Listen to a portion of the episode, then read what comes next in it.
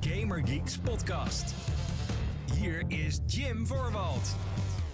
Hallo mede Gaming Geeks, wel leuk dat je luistert naar de Gaming Geeks podcast, de wekelijkse talkshow van GamingGeeks.nl, waarin ik en een mede maar al te graag bijpraten over alles wat er gaande is in en rondom de gamingindustrie. Ik ben Jim en ik probeer op dit moment, dames en heren, even connectie te maken met de stagiair.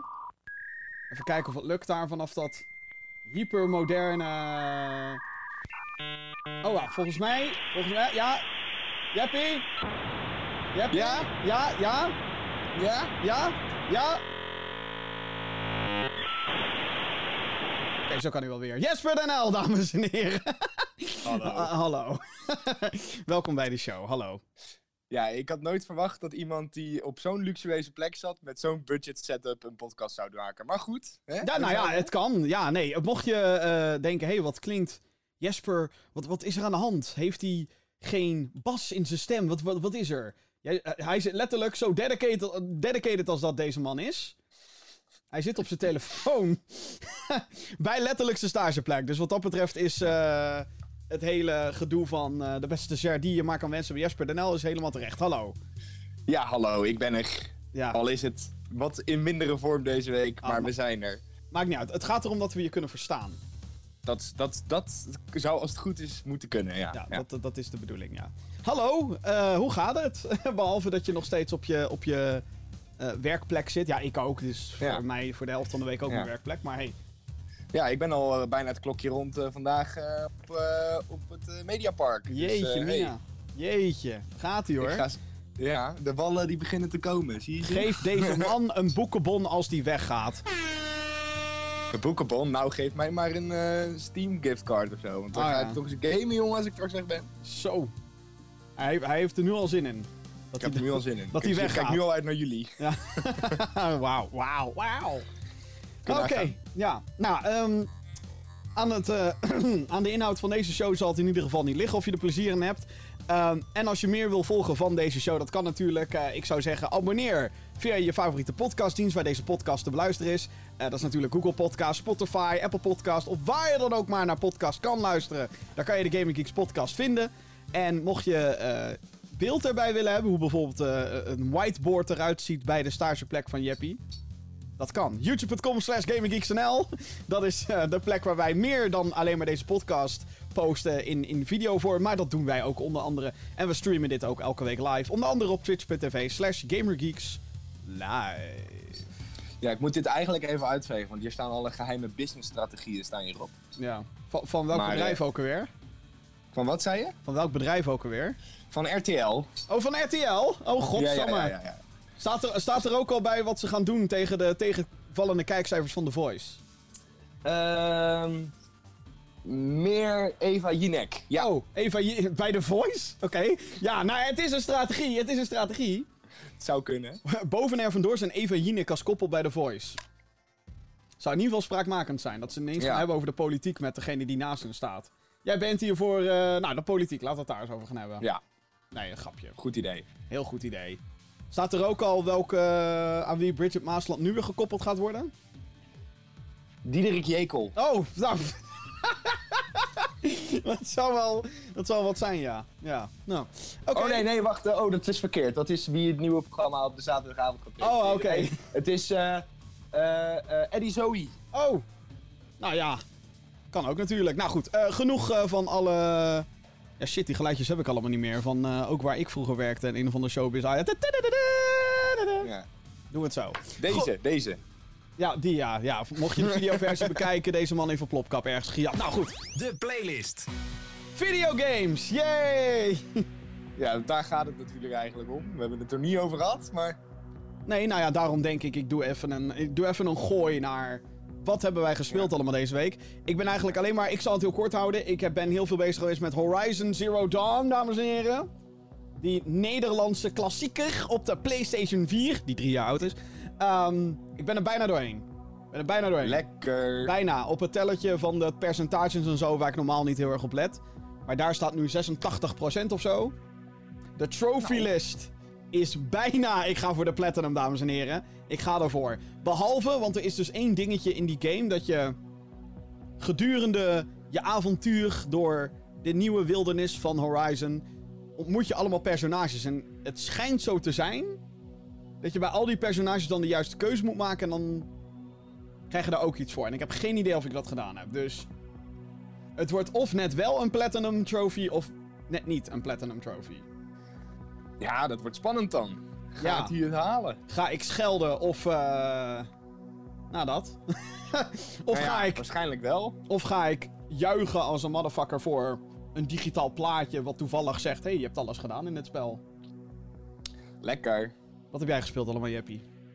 Ja, ehm, ik heb eh, verschillende dingen deze, deze week gespeeld. Ten, eh, eh, ja, Niet, ter niet te veel... compensatie van vorige week, waar ik eigenlijk niet zo gedaan had. Ik wilde eigenlijk zeggen, niet te, veel, niet te veel met jezelf, hoop ik. Nee, nee, nee, nee, nee, nee, nee, nee. nee. dit, eh, dit, nou. Leuk grapje weer hoor.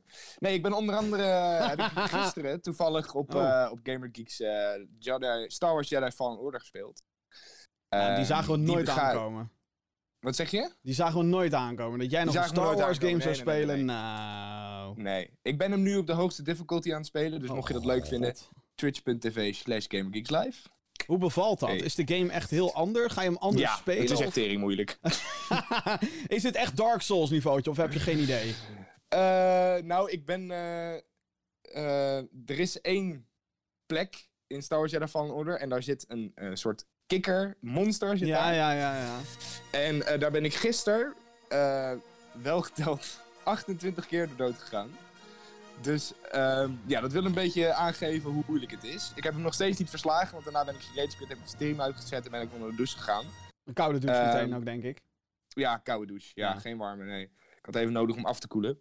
Dat snap ik. Maar eh, dat ben ik dus nu aan het doen. En daarnaast eh, heb ik ook weer twee games opgepakt waar ik eigenlijk een heel, heel lang mee gestopt was. Eh, dat is Little Inferno. Dat is een game uit 2012, geloof ik. Dames en heren, het, het, het, het, het- het is de prehistorische jaren 2012. Ja, Toen de ja, ja. Xbox 360 nog relevant was. Toen Xbox überhaupt nog relevant was. Oh!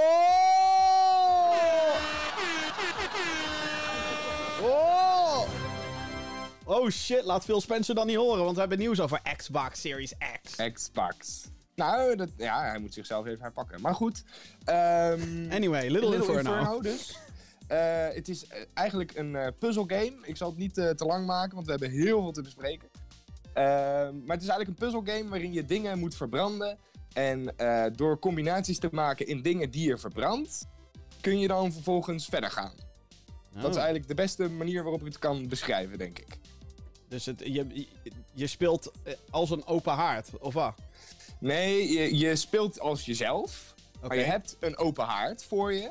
En dan kun je allemaal random dingen kun je daarin gooien. Je kan bijvoorbeeld een wekker kan je erin gooien. Je kan een tijdbom erin gooien. Je kan eh, de maan kun je erin gooien. Allemaal dat soort dingen. En op basis van wat jij in die oven gooit, of in die open haard, sorry.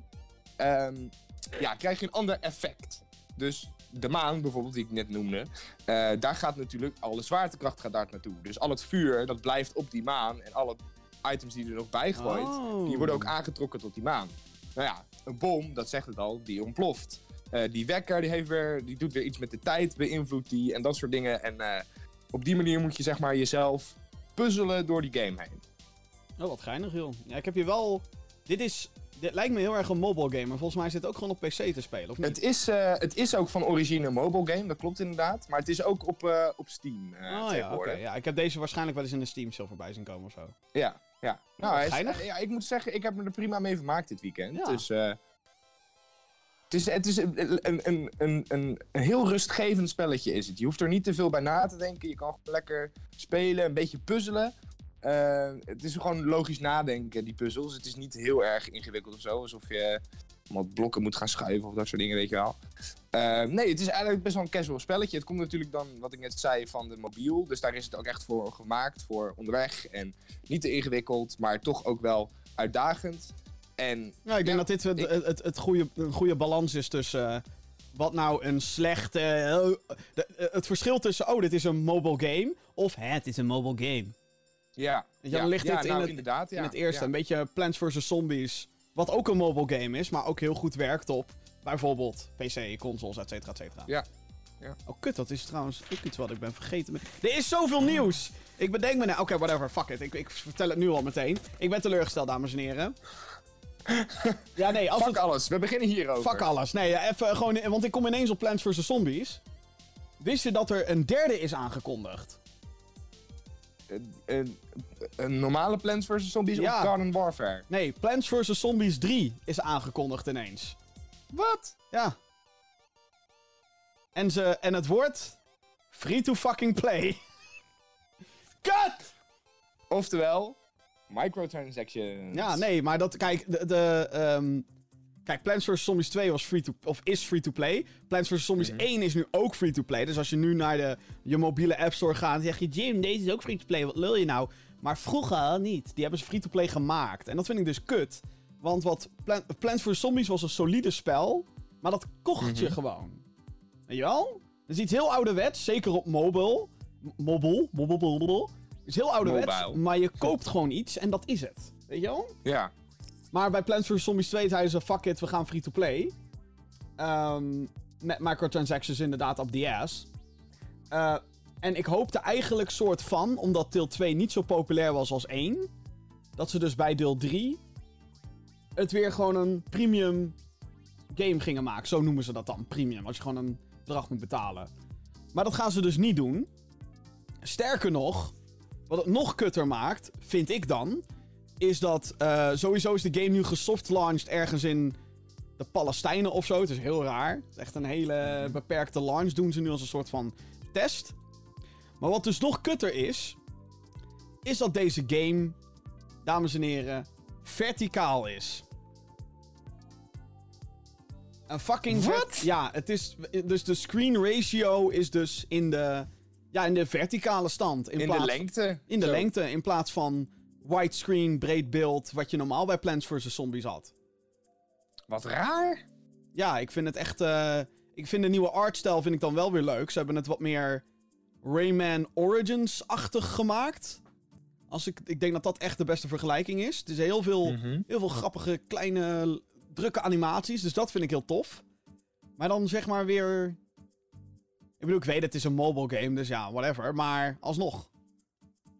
En free-to-play en ook nog eens gaan kutten met je aspect ratio. Ik snap het niet. Wat raar. Ja. ja. Goed, dat moest even tussendoor.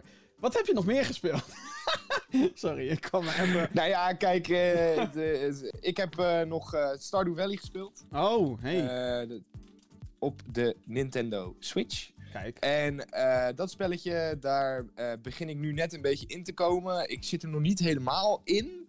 Want ik hoor echt van mensen dat ze het helemaal fantastisch vinden, die game. En ik heb zoiets van, eh, ik ben nog niet op dat punt, denk ik. Ja, mocht je niet weten wat het is, Stardew Valley is een... eh, ja, eigenlijk...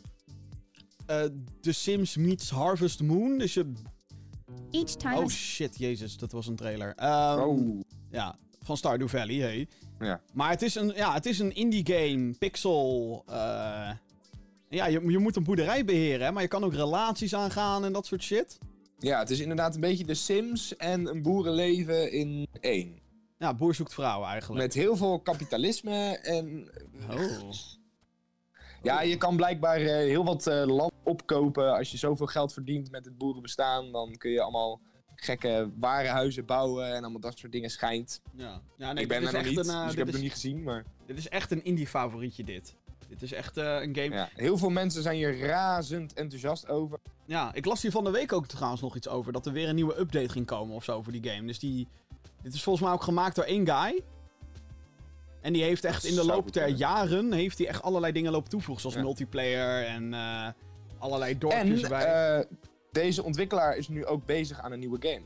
oh, ik dacht dat hij juist meer op die updates ging focussen nu. Maar goed, whatever. Nee, nee, nee, nee, nee. Hij is, hij is, dat las ik ergens van de week. Pin me er niet aan vast, want het kan ook eh, iets van een fan zijn geweest. Maar ik geloof dat hij nu bezig is aan een nieuwe game. Wat weer totaal iets anders gaat zijn dan Stardew Valley. Ja. Ja, die vent die kan volgens mij gewoon eh, een hele publishing tak beginnen met het geld dat hij heeft verdiend naar Stardew Valley. Maar hoe bevalt de game voor jou? Ehm, ja, nou ja, wat ik net zei, ik moet er nog een beetje in komen. Ik heb nog niet het gevoel dat ik de game echt begrijp. Want het, is, het zijn best wel veel dingen die tegelijkertijd op je afkomen. Dus wat je zei, het eh, beheren van je boerderij. ehm, het craften van nieuwe eh, dingetjes. Dus bijvoorbeeld eh, paadjes en het ontdekken van nieuwe zaadjes die je dan weer kan planten. Eh, maar ook het, het, het handelen en het opbouwen van relaties met de mensen die in het stadje wonen. Er zit ook nog een soort butterfly effect zit erin. Dus maak je op een gegeven moment een keuze, dan komt die keuze later weer terug in het spel. Oh. Eh, en op basis van die keuze, dan, ja, dan gebeurt er natuurlijk iets later. Eh we kan goed uitpakken of slecht uitpakken. Eh, er zitten heel veel aspecten in, wat je eigenlijk niet zou verwachten als je die game voor het eerst opstart. Want je denkt van nou, ik, ik ga een, boerderij bouwen, is dat het? Maar dat is het dus absoluut niet. Ik moet tot nu, tot, tot nu toe zeggen, heb ik er wel lol in. Ik vind het wel heel leuk. Maar op een gegeven moment heb ik het een beetje het gevoel van ja, wat, wat ben ik nou eigenlijk aan het doen? Waar gaat dit heen, weet je wel? Het komt heel langzaam op gang. En eh, ja, ik, ben nu, ik ga gewoon nog steeds doorspelen en gewoon kijken waar het schip strandt, denk ik. Ja, nou, spannend. Ja. Ik hou jullie op de hoogte. Zeker. Nou, dames en heren, dan eh, wordt het natuurlijk... Is- eh, doe je stoelriem vast. wat? ja, zet, zet je schrap, dames en heren. Zet want, je schrap Oh voor mijn het god. nieuws, Oh mijn- vuur. Zometeen in de Gamer Geeks podcast. Want er zijn meer details eh, bekend rondom de Xbox Series X. Woe! En dat, ik vind dat belangrijke details. En er is een nieuwe maand. Oh ja, datum van opname. is 3 maart. Nee, wat wat zeg ik verkeerd. 2, 2 maart. maart. 2020. Nieuwe maand. Nieuwe gratis games voor iedereen die geabonneerd is op, geabonneerd is op een dienst. En eh, ik heb weer een hele leuke vraag binnengekregen via podcast.gamergeeks.nl.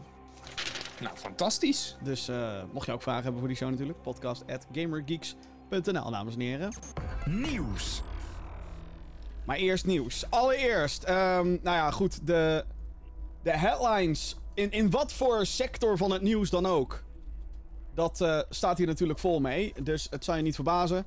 Eh, de Game Developers Conference, die gepland stond van 16 tot en met 20 maart eh, in San Francisco, is geannuleerd. Nadat Sony PlayStation, Kojima Productions, Facebook Gaming en EA al afstand namen van het evenement, kwamen daar afgelopen week ook nog eens Xbox, Epic Games en Unity bij. En nou, daarna is het evenement eigenlijk gewoon, ja, dit heeft geen zin meer. Weet je dat? De Ja. reden waarom alle partijen afstand namen en dus dat het ook wordt geannuleerd, is vanwege de verspreiding van het coronavirus. Als gevolg hiervan is het evenement geannuleerd, is eigenlijk niet het juiste woord, het is uitgesteld. Het GDC, zoals het vaak genoemd wordt, is een eh, verzamelplek voor gameontwikkelaars. Soms komt er wat nieuws vanuit zo'n evenement, maar de algemenere gamer die zal er niet heel veel aan missen. Wel zet dit een duistere toon neer voor andere internationale gaming-evenementen. Zoals EGX Rest in maart, in Engeland is dat. TwitchCon is natuurlijk ook in mei in Amsterdam. En de E3 wordt in juni gehouden in Los Angeles. Dus we moeten natuurlijk maar gaan zien wat daar de komende maanden allemaal En gaat gebeuren. vergeet eh, Gamescom ook niet natuurlijk in Keulen. Nou ja, maar dan hebben we het al wel over veel verder weg inmiddels. Maar ja, Nou ja, juni, augustus scheelt twee maanden. Dus ja daarom. Maar dat zijn weer twee maanden. ja, dat is waar. Dat dus dan, dan... We weten natuurlijk niet wat allemaal gaat gebeuren. Eh, Nee. Game developers... Maar wat, dan, het- wat ik dan raar vind, is dat PAX East, dat was ook deze, dit weekend, Dat is gewoon doorgegaan. dat is wel doorgegaan. Ja, maar er zijn ook heel veel partijen zijn daar of in een andere bezetting naartoe gegaan. Dat ze zeggen, nou, we gaan niet deze mensen uit Japan laten over- overvliegen. Maar de, de lokale PR-mensen zijn er en zo. En, eh, Ja. Ontwikkelaars. Ja, ja. Game Developers Conference 2020 staat nu gepland voor de zomer. Maar welke maand dat weten we dan nog niet. Het zal ook augustus al worden, denk ik. Nou, als dat zo is, dan eh, wordt dat heel interessant met Gamescom en, eh, en GDC. En Of dezelfde nou, trouwens, het, juli zou dan beter zijn, want zitten ze tussen E3 en Gamescom zitten ze dan in. Ja, maar je gaat je natuurlijk afvragen of dat dan ook nog wel zin heeft. Want je zou denken dat, eh, ja, dat heel veel, ja, hoewel Sony gaat dan niet naar E3, gaat, zouden ze dan nog wel naar GDC gaan in de nieuwe GDC? De nieuwe datum. Het is gewoon iets te, ik weet niet. Ja. De reden natuurlijk waarom al deze evenementen op een bepaalde tijd zijn, is omdat iedereen daar een soort van zijn schema op kan aanpassen. En ook qua, Ja. qua nieuws. En kijk, nogmaals, Game Developers Conference is eigenlijk gewoon een uit de hand gelopen meeting geworden. Ehm, en natuurlijk, daar, daar komt wel eens nieuws uit hoor. Maar dat zou zeg maar het moment zijn dat, eh, weet ik veel, de PlayStation iets aankondigt over hoe je kan streamen vanaf je PlayStation 5 of zo. Dat zou niet zijn, jongens, hier is de PS5 en dit gaan we allemaal doen. En dit, eh, weet je wel, dat, dat is zo'n... Oh wel, ik moet wel bekennen dat ze daar toen volgens mij voor het eerst... Toen heette het Project Morbius. De PlayStation VR werd dat uiteindelijk.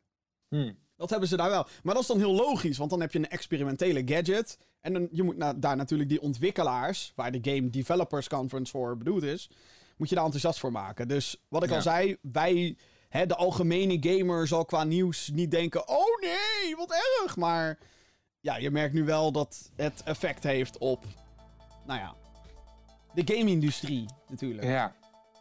Ja, het, eh, het wekt bij mij wel zorgen. Want ja, eh, de evenementen die je net eh, allemaal noemde, onder andere ook dus TwitchCon in Amsterdam. Ja, ik vrees daar een beetje voor. Kijk, ik zit nu in, eh, op het Mediapark in Hilversum en hier is vandaag ook de pleuris uitgebroken. Want er is eh, een paar eh, honderd meter verderop is dus iemand gevonden met corona. Oh. Bij het Nike hoofdka- hoofdkantoor hier. Oh, ja. En ehm, daar hebben ze nu gewoon het hele pand op slot gegooid. Daar mocht ook het personeel mocht vandaag niet naar, daar naartoe komen, want ze gingen het eerst helemaal schoonmaken daar. En ja. ik, ja, ik vrees voor mijn leven. Ik zit hier met gevaar voor eigen leven. Hier. ja, is er al, dit klinkt dan heel luguber dit, maar is er al een Nederlands sterfgeval nee, die is er geloof ik nog niet. gemeld op het moment van de Voor zover ik weet, op dit moment niet. En ik zit hier je- naast de redactie van het RTO Nieuws en ik heb nog niemand horen panikeren of horen is iemand dood? roepen. Eh, dus ik ga er vanuit nog niet. Ja, nee, maar het, ja, ik bedoel, het, het is, kijk, ehm, een hele interessante discussie die nu over het internet over het algemeen gevoerd wordt met, is natuurlijk, zijn we nou met elkaar met z'n allen heel erg gek aan het maken of eh, is het prima wat er nu gebeurt? Ja. En ik vind de hysterie die er soms. die er soms door ontstaan wordt. Ik bedoel, eh, nogmaals, het is goed dat al deze voorzorgsmaatregelen er zijn. Alhoewel, je gaat je natuurlijk afvragen. welke fucking voorzorgsmaatregelen? Want er zijn nu al 18 besmettingen in ons land. Mhm. Maar ja, het is. ehm, ja, we, we moeten natuurlijk maar afwachten wat voor effecten dit gaat hebben op Ja, voornamelijk E3. Kijk, als E3, op de, om wat voor reden dan ook, als er nog meer partijen daar gaan zeggen, nou, we gaan niet meer meedoen, want... Wat natuurlijk, kijk, en vanuit E3 is het ook... Kijk, dit soort evenementen vind ik ook logisch dat ze daar heel zuinig mee zijn. Want er komen mensen vanuit de hele wereld komen bij elkaar. En Ja. zo heeft dat natuurlijk, zo heeft dat virus zich kunnen verspreiden. Mensen vanuit China, Italië. En de meeste, volgens mij is het ook zo dat de meeste mensen die in Nederland besmet zijn, die hebben vakantie gevierd in Italië. Dus, nou ja. Ja. Is het logisch dat je voorzichtig doet met dit soort eh, gevallen. Eh, niet heel leuk natuurlijk. Voornamelijk voor de mensen die ziek zijn natuurlijk. Dus eh, laten we dat voorop stellen. Ja. Ehm, er is nieuw nieuws, joh, over de Xbox Series X. Zou wat zijn. Er is oud nieuws. Er is oud nieuws. Series X. Oh god. Xbox heeft wat meer details gedeeld over een aankomende console, de Xbox Series X. Ik vind het zo leuk om te, dat op de meest Amerikaanse manier te vertellen. Xbox X. Series X. X.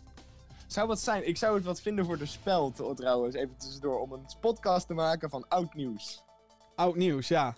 Welkom bij Oud Nieuws. Gewoon nieuws van een jaar geleden pakken. En daar gewoon een podcast over Weet je dat er, dit was fucking lauw, weet je dat er een 3FM-DJ is gedaan die twee weken lang gewoon een oud nieuwsbulletin heeft uitgezonden? En niemand, ja, niemand heeft er wat van gemerkt. Fucking grappig. Zo vet. Oké, maar goed. Volgens mij was dat. Rob Jans op 3FM. Nou, ook weer geplucht. Ehm, anyway. Waar was ik? Oh ja, Xbox. Oud nieuws dit. Xbox al, eh, heeft wat meer details gedeeld over de nieuwe console, de Xbox Series X. Alhoewel we van vele aspecten al wisten, dus een beetje oud nieuws wel, dat deze waarschijnlijk aanwezig zal zijn, is het natuurlijk toch goed om de officiële bevestiging nu te hebben. De Xbox Series X zal een 12 teraflops GPU met zich meedragen, videokaart. Deze heeft de mogelijkheid tot hardware raytracing. De harde schijf zal een SSD zijn, waardoor games snel kunnen laden. De processor is van AMD en is van de Zen 2 en RDNA 2 series. Wat dat inhoudt, geen idee. Maar eh, daarnaast heeft de console ook support tot 120 frames per seconde. Features die de Op console zal... 4K of op Full HD? Nou, nu zeggen, Wat ze, nu zeggen ze 120. Maar volgens mij targeten ze voornamelijk 4K 60 fps. Ja. Features die de console zal hebben zijn onder andere volledige backwards compatibility met de Xbox One. Zowel de games als de hardware. Dus je kan gewoon je controllers kan je aansluiten. Hiermee is ook meteen bevestigd dat je dus ook eh, nog oudere Xbox games kan spelen van de originele Xbox en de Xbox 360. Deze zullen dan geupskilled worden door middel van de hardware die aanwezig is in de Series X. Dus het is eigenlijk alsof je een oude game op de PC en op een nieuwe PC gaat spelen. Dat je, oh, Heel nice. De Xbox Series X heeft de mogelijkheid om meerdere games op standby te hebben. De functie is al aanwezig op de huidige generatie. Wanneer je je console opstart, kan je met je game meteen verder gaan. Maar dit is nu uitgebreid naar meerdere games in plaats van eentje. Vind ik heel vet. De Ja. laatste grote functie is Smart Delivery. Dit houdt in dat je cross-gen games kan kopen en dat je automatisch de beste versie krijgt als je deze op de Xbox Series X speelt. Voorbeeldje bijvoorbeeld. Ehm, als je dit najaar besluit Halo Infinite te kopen voor de Xbox One en later haal je een Series X, dan wordt je versie geüpgrade naar de juiste versie, dus de Series X versie. Xbox gaat dit sowieso doen voor hun first-party titels. Andere uitgevers hebben de keuze om dit ook te doen. Dus de technologie zit erin. Zeg maar, waarschijnlijk een, een standaard functie die je ergens kan aanvinken. Ehm, maar dan moet de ontwikkelaar zelf kiezen of ze dit willen doen. Of niet. Dus nu zijn de ogen natuurlijk heel erg gericht. En dan gaan we meteen even naar. Cyberpunk 2077. You're breathtaking.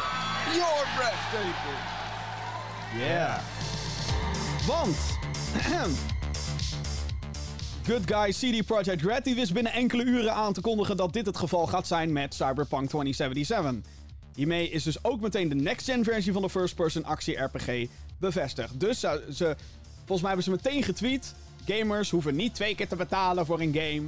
Als jij op de Xbox One Cyberpunk haalt en later dat jaar koop je een Series X, want Cyberpunk komt in september al, dan wordt deze gewoon geupgrade. Ja, ik vind dit, eh, alles wat je net genoemd hebt, die Xbox, het ziet er voor nu goed uit. Ja, dit wordt een. eh, Qua hardware. Dit wordt een hele interessante. eh, Ik vind het zo. En wat ik het nog het meest interessante vind. Dit was dus één grote blogpost, al die info die ik net deelde. PlayStation houdt zijn lippen stijf op elkaar, hè? Die, Ja, eh, die, hebben dus nog, die hebben nog helemaal niks laten weten. What the fuck? We weten wel dat de PlayStation 5 backwards compatible gaat zijn. Dat hebben ze wel gezegd. Ook daar zal Ja. een SSD in gaan zitten, want ook dat hebben ze gezegd. Maar. Ja, en raytracing. Maar verder.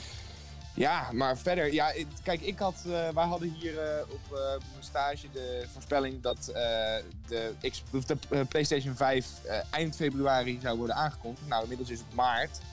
En ik weet niet wat die gasten bij Sony aan het doen zijn, maar ze moeten even met iets komen. Want ja, Xbox die laat dus eh, langzaamaan wat details naar buiten komen, maar inderdaad, PlayStation laat nog helemaal niks horen. En wat ik nu lees, van Xbox eh, Series X gaan die een flinke concurrentie leveren deze console generatie. Dus ik ben heel erg benieuwd waar ehm, eh, PlayStation mee gaat komen. En daarnaast ook wat Xbox voor launchtitels gaat eh, geven voor deze. We hebben dus, dus al Cyberpunk. Dat is dus al een launchtitel. Nou, weten dat we niet. op zich, Weten we niet, maar we gaan er even vanuit. Ik denk het wel. Ik denk Maar dat Halo- eh, meteen beschikbaar is. op Halo die- Infinite is natuurlijk een launchtitel. Ja. Hebben ze gezegd al, by the way. Maar die, kijk, het probleem met Xbox' strategie op dit moment... is dat zij hebben gezegd... hey, de aankomende twee jaar komen er voorlopig nog geen games... die alleen maar voor de Xbox Series X zijn. Ja. Dus al hun first-party exclusive worden ook nog voor Xbox One. En daar... Tuurlijk, daar zit een voordeel aan. Namelijk dat je publiek veel groter is. Maar dan denk ik wel, wacht even. Je, je gaat je blijven beperken tot 7 jaar oude hardware. Huh. Ja. Is het juist niet de bedoeling van de next gen dat je de volgende stap gaat nemen? Terwijl als Ja, je games op beide denken, moeten ja. kunnen draaien, dan ga je je heel erg beperken. En dan, dan blijft de Xbox Series X in de ogen van, hè, als je gaat kijken naar concurrentie en zo, dat blijft dan een soort mooier likje verf wat eh, overal overheen zit. En eh, ik bedoel, ik, ik als PC-gamer, PC Master Race, die ook weet ik hoeveel consoles, consoles heeft staan, by the way. Maar ehm, ja, dat, die mooie likjes verf die kunnen heel veel doen voor je experience, begrijp me niet verkeerd. Maar uiteindelijk moet je door, weet je wel? En Ja, je moet je ergens op focussen natuurlijk. en ik weet zeker dat Sony, die gaat dit niet doen. Die gaat gewoon zeggen, yo, wij maken, wij, hier is Horizon 2 bij wijze van, hier is God of War 2, Spider-Man 2, eh, een nieuwe Ratchet Clank, yay, weet je. En dat is meteen, bam, dit is de power van PlayStation 5. Zo snel laat deze fucking game. Oh ja, by the way, ook PS4 is backwards compatible, maak je geen zorgen. De vraag is natuurlijk wel of Sony ook een soort gelijk ding gaat hebben voor, ehm, voor de, eh, eh, voor de cross-gen titels. Dus dat je, pff, nou ja, eh, Cyberpunk, wederom, komt natuurlijk ook naar PlayStation 4. Zal ongetwijfeld ook naar PlayStation 5 komen. Gaan zij ook dan iets zoals Smart Delivery eh, doen? Van, oh hey, je hebt deze game voor PS4, maar hey, je speelt op PS5, dus hier heb je de PS5-versie. Nou ja, omdat Xbox dat nu doet, moeten ze eigenlijk wel. Want Ja. anders zijn ze natuurlijk de asshole straks.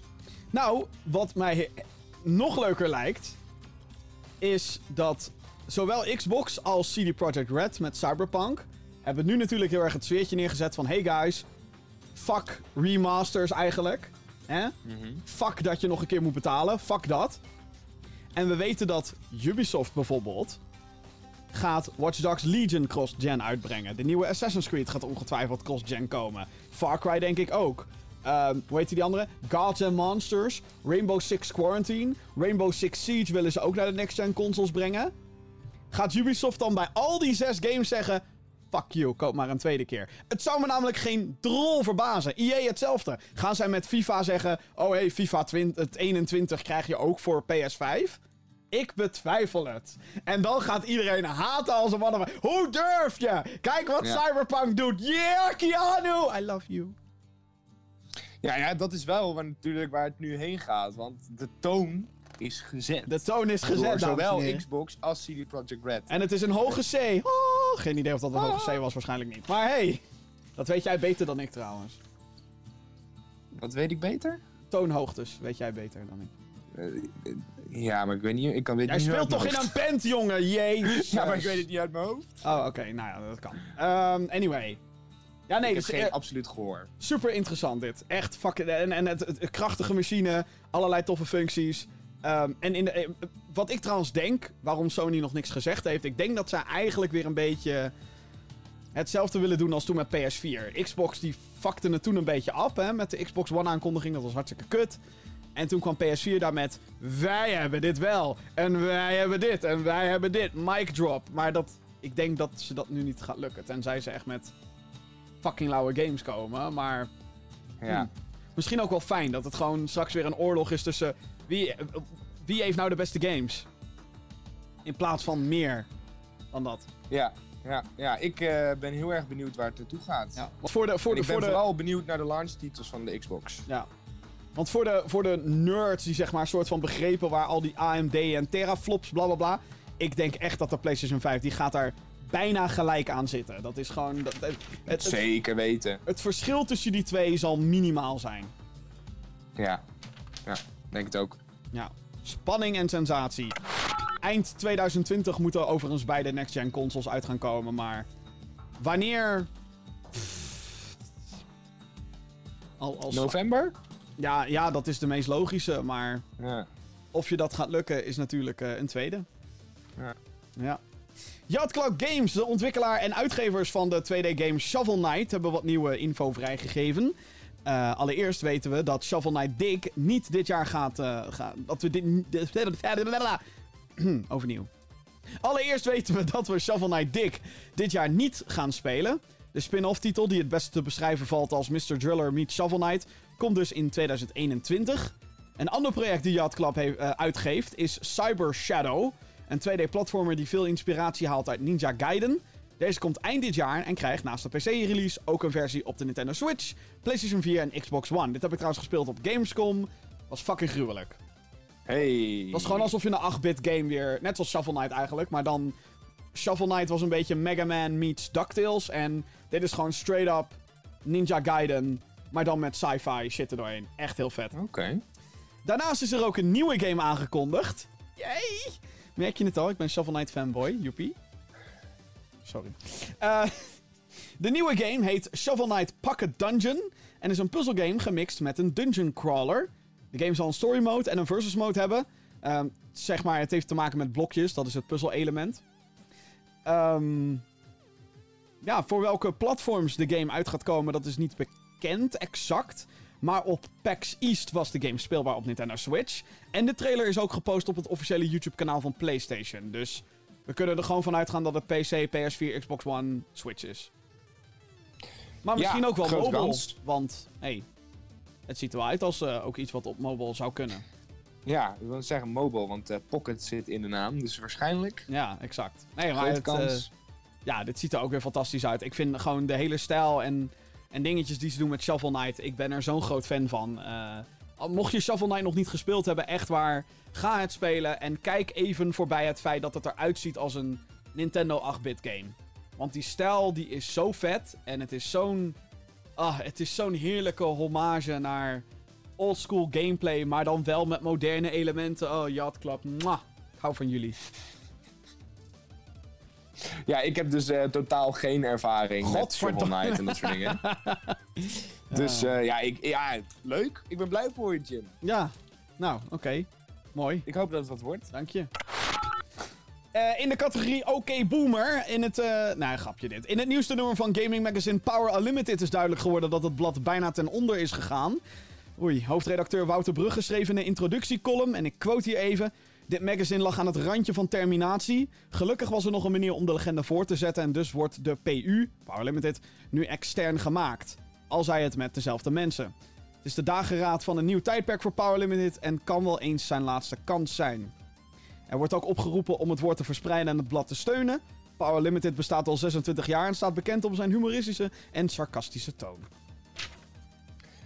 Ja, we hebben het hier eh, van, eh, deze week eh, ook op de redactie bij ons hier op het Mediapark erover gehad. Ja, want een van de oud, kan ik toch wel zeggen, oud corifeeën van de PU, die zit daar ook natuurlijk. Ja, klopt. En ja, wij zijn er eigenlijk allemaal over eens dat PU zijn beste tijd gehad heeft. En dat het misschien goed is voor zowel PU als de mensen daarachter om, om ja, op een frisse, frisse manier iets nieuws te, te beginnen. Ehm, want ja, het, blijft een blad. En bladen worden gewoon tegenwoordig, zeker door de jeugd, waar het toch eh, voornamelijk op gericht is. eh, ja, die lezen dat niet meer. Eh, Je moet echt meer richting online gaan en allemaal dat soort dingen. En ook hun YouTube-kanaal. Ze hebben een YouTube-kanaal naast het blad. Ja, ze, hebben, ze halen moeilijk 300 views op, op een video. Is dat zo? En voor een. Ja, eh, ze hebben een paar uitschieters ertussen zitten. Maar ja, daar kun je natuurlijk niet, niet een bedrijf van runnen, van dat soort aantallen. Nee, ja, nou moeten wij natuurlijk eh, wat dat betreft misschien een beetje ons mel houden, omdat eh hè, Gaming Geeks eh, loopt ook niet storm op YouTube. Nee, maar wij doen het voor de lol en zij doen het voor hun werk. Ja, dat is waar. Dat is het verschil. Daar zit inderdaad wel een groot verschil tussen, ja. Ja. Zij Ja, zijn nou, hier het- 40 uur, 40 uur in de week mee bezig. En wij doen het nu op een maandagavond. En eh, daarna zijn we weer klaar voor een weekje, weet je wel? Dus, Maar wij- nou ja, jij misschien, maar ik niet hoor. Ik, eh, nee, maar ik bedoel als in eh, het, het echt produceren van content en pushen van allemaal dingen en allemaal dat soort dingen, weet je wel. Zij zijn daar veel meer uur mee Ja, ja, nee, tuurlijk. Ja, nee, zijn. laten we vooropstellen, Gaming Geeks is een vrijwillig iets wat wij gewoon doen vanuit passie en, en omdat we het super tof vinden. En dit is inderdaad een... ik zie inderdaad ook dat hun video's heel erg variëren. Van iets wat echt gewoon 10k views binnenhaalt naar Ja, 500 of zo. En dan Ja. kan je dan natuurlijk aan allerlei factoren kan je dat hangen. Eh, maar dat zegt natuurlijk ook wat over hun bezoekersaantal op hun website. Want volgens mij staan al die YouTube-video's gewoon geplakt op. eh, Nogmaals, de- kijk, no ik kan moeilijk zeggen: oh, dat is slecht. Want kijk naar de cijfers van Gaming. Die zijn zeg maar slechter. Veel slechter. Maar Mhm. ja, het hele. ik- denk. ja maar je ook- moet, je moet dus bij rekening mee houden dat dit blad dus al 26 jaar bestaat. Ja, nee, dat is echt. eh, dat is al een, een, een, een mooie prestatie op zich. Kijk, Ja. wat, eh, wat mijn probleem is, of was met de Power Limited, want ik heb het blad ook niet meer. Ik ben er ook niet meer op geabonneerd. En ik ben wel zo'n ouderwetse oké boomer guy. Die zoiets heeft van, oh, een leuk magazine, daar wil ik me op, op abonneren, weet je wel?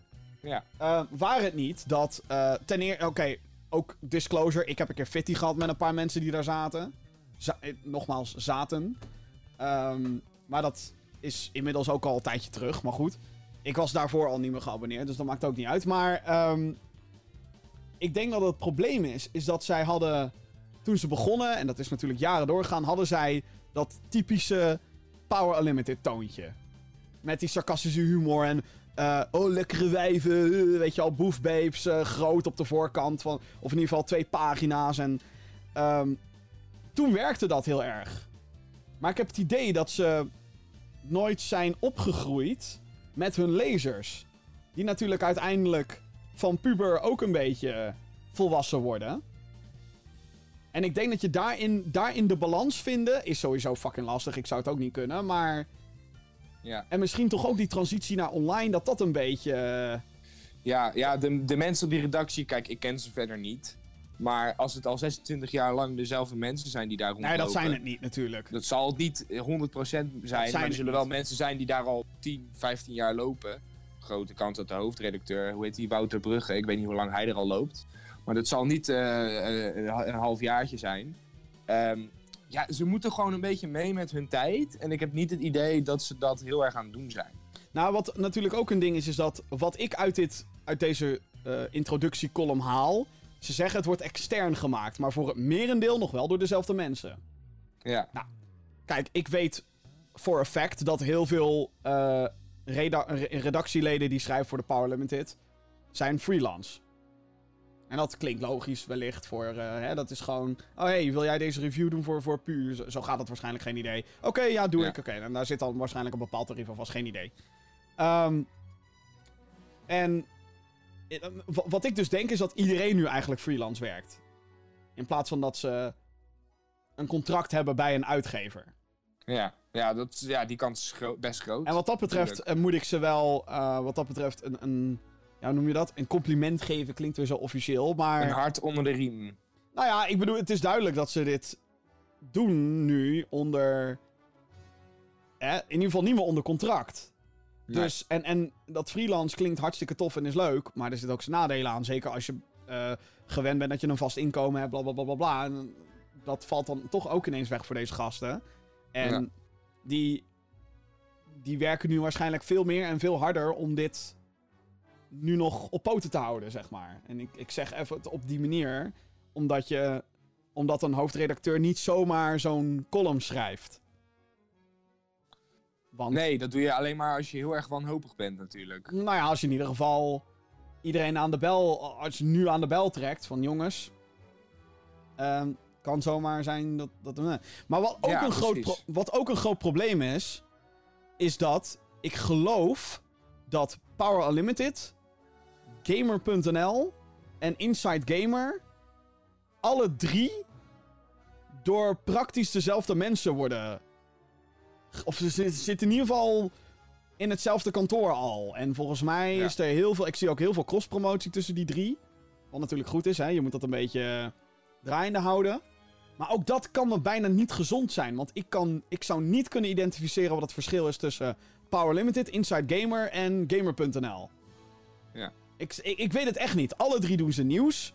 Alle drie. Nou, oké, Power Limited doet dan wat meer met memes en, en, en anime en wat meer geek culture dingen. denk ik, hey, Power Limited moet dat worden. Gamer.nl zou dan helemaal nieuws moeten worden. Maar wat Inside Gamer dan weer is. Terwijl dat moet je ook staande zien te houden op de een of andere manier. Ja, Dus misschien moet je dan Inside Gamer juist wel voor de mensen uit de industrie eh, gaan richten. Nou, dat is wel een goede Inside Gamer. Hè? Ja, Ik- Inside eh, Gamer. ik vind Als in goed, ik mensen die echt geïnteresseerd zijn in de industrie en in de business. En die graag contacten op willen doen. Dat Ja. soort dingen.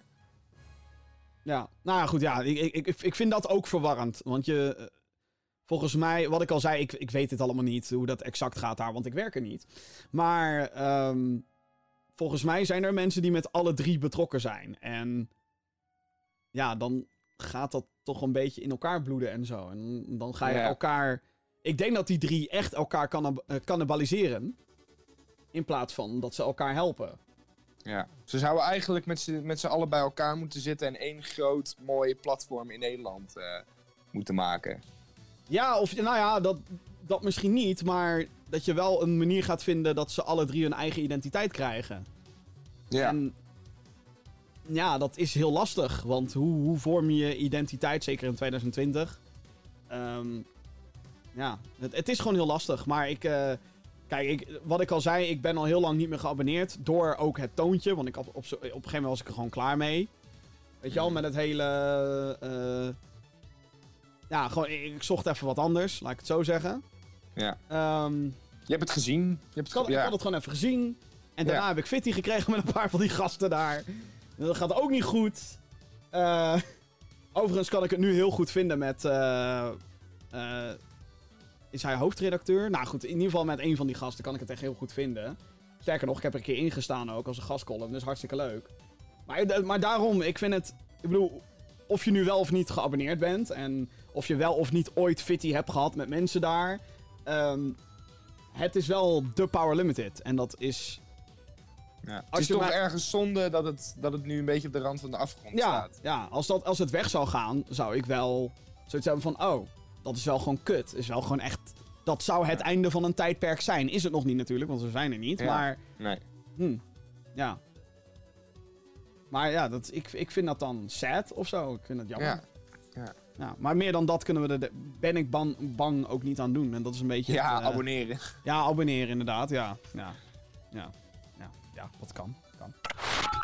Eh, Oké, dan eh, Platinum Games. We gaan even terug naar algemeen gaming nieuws.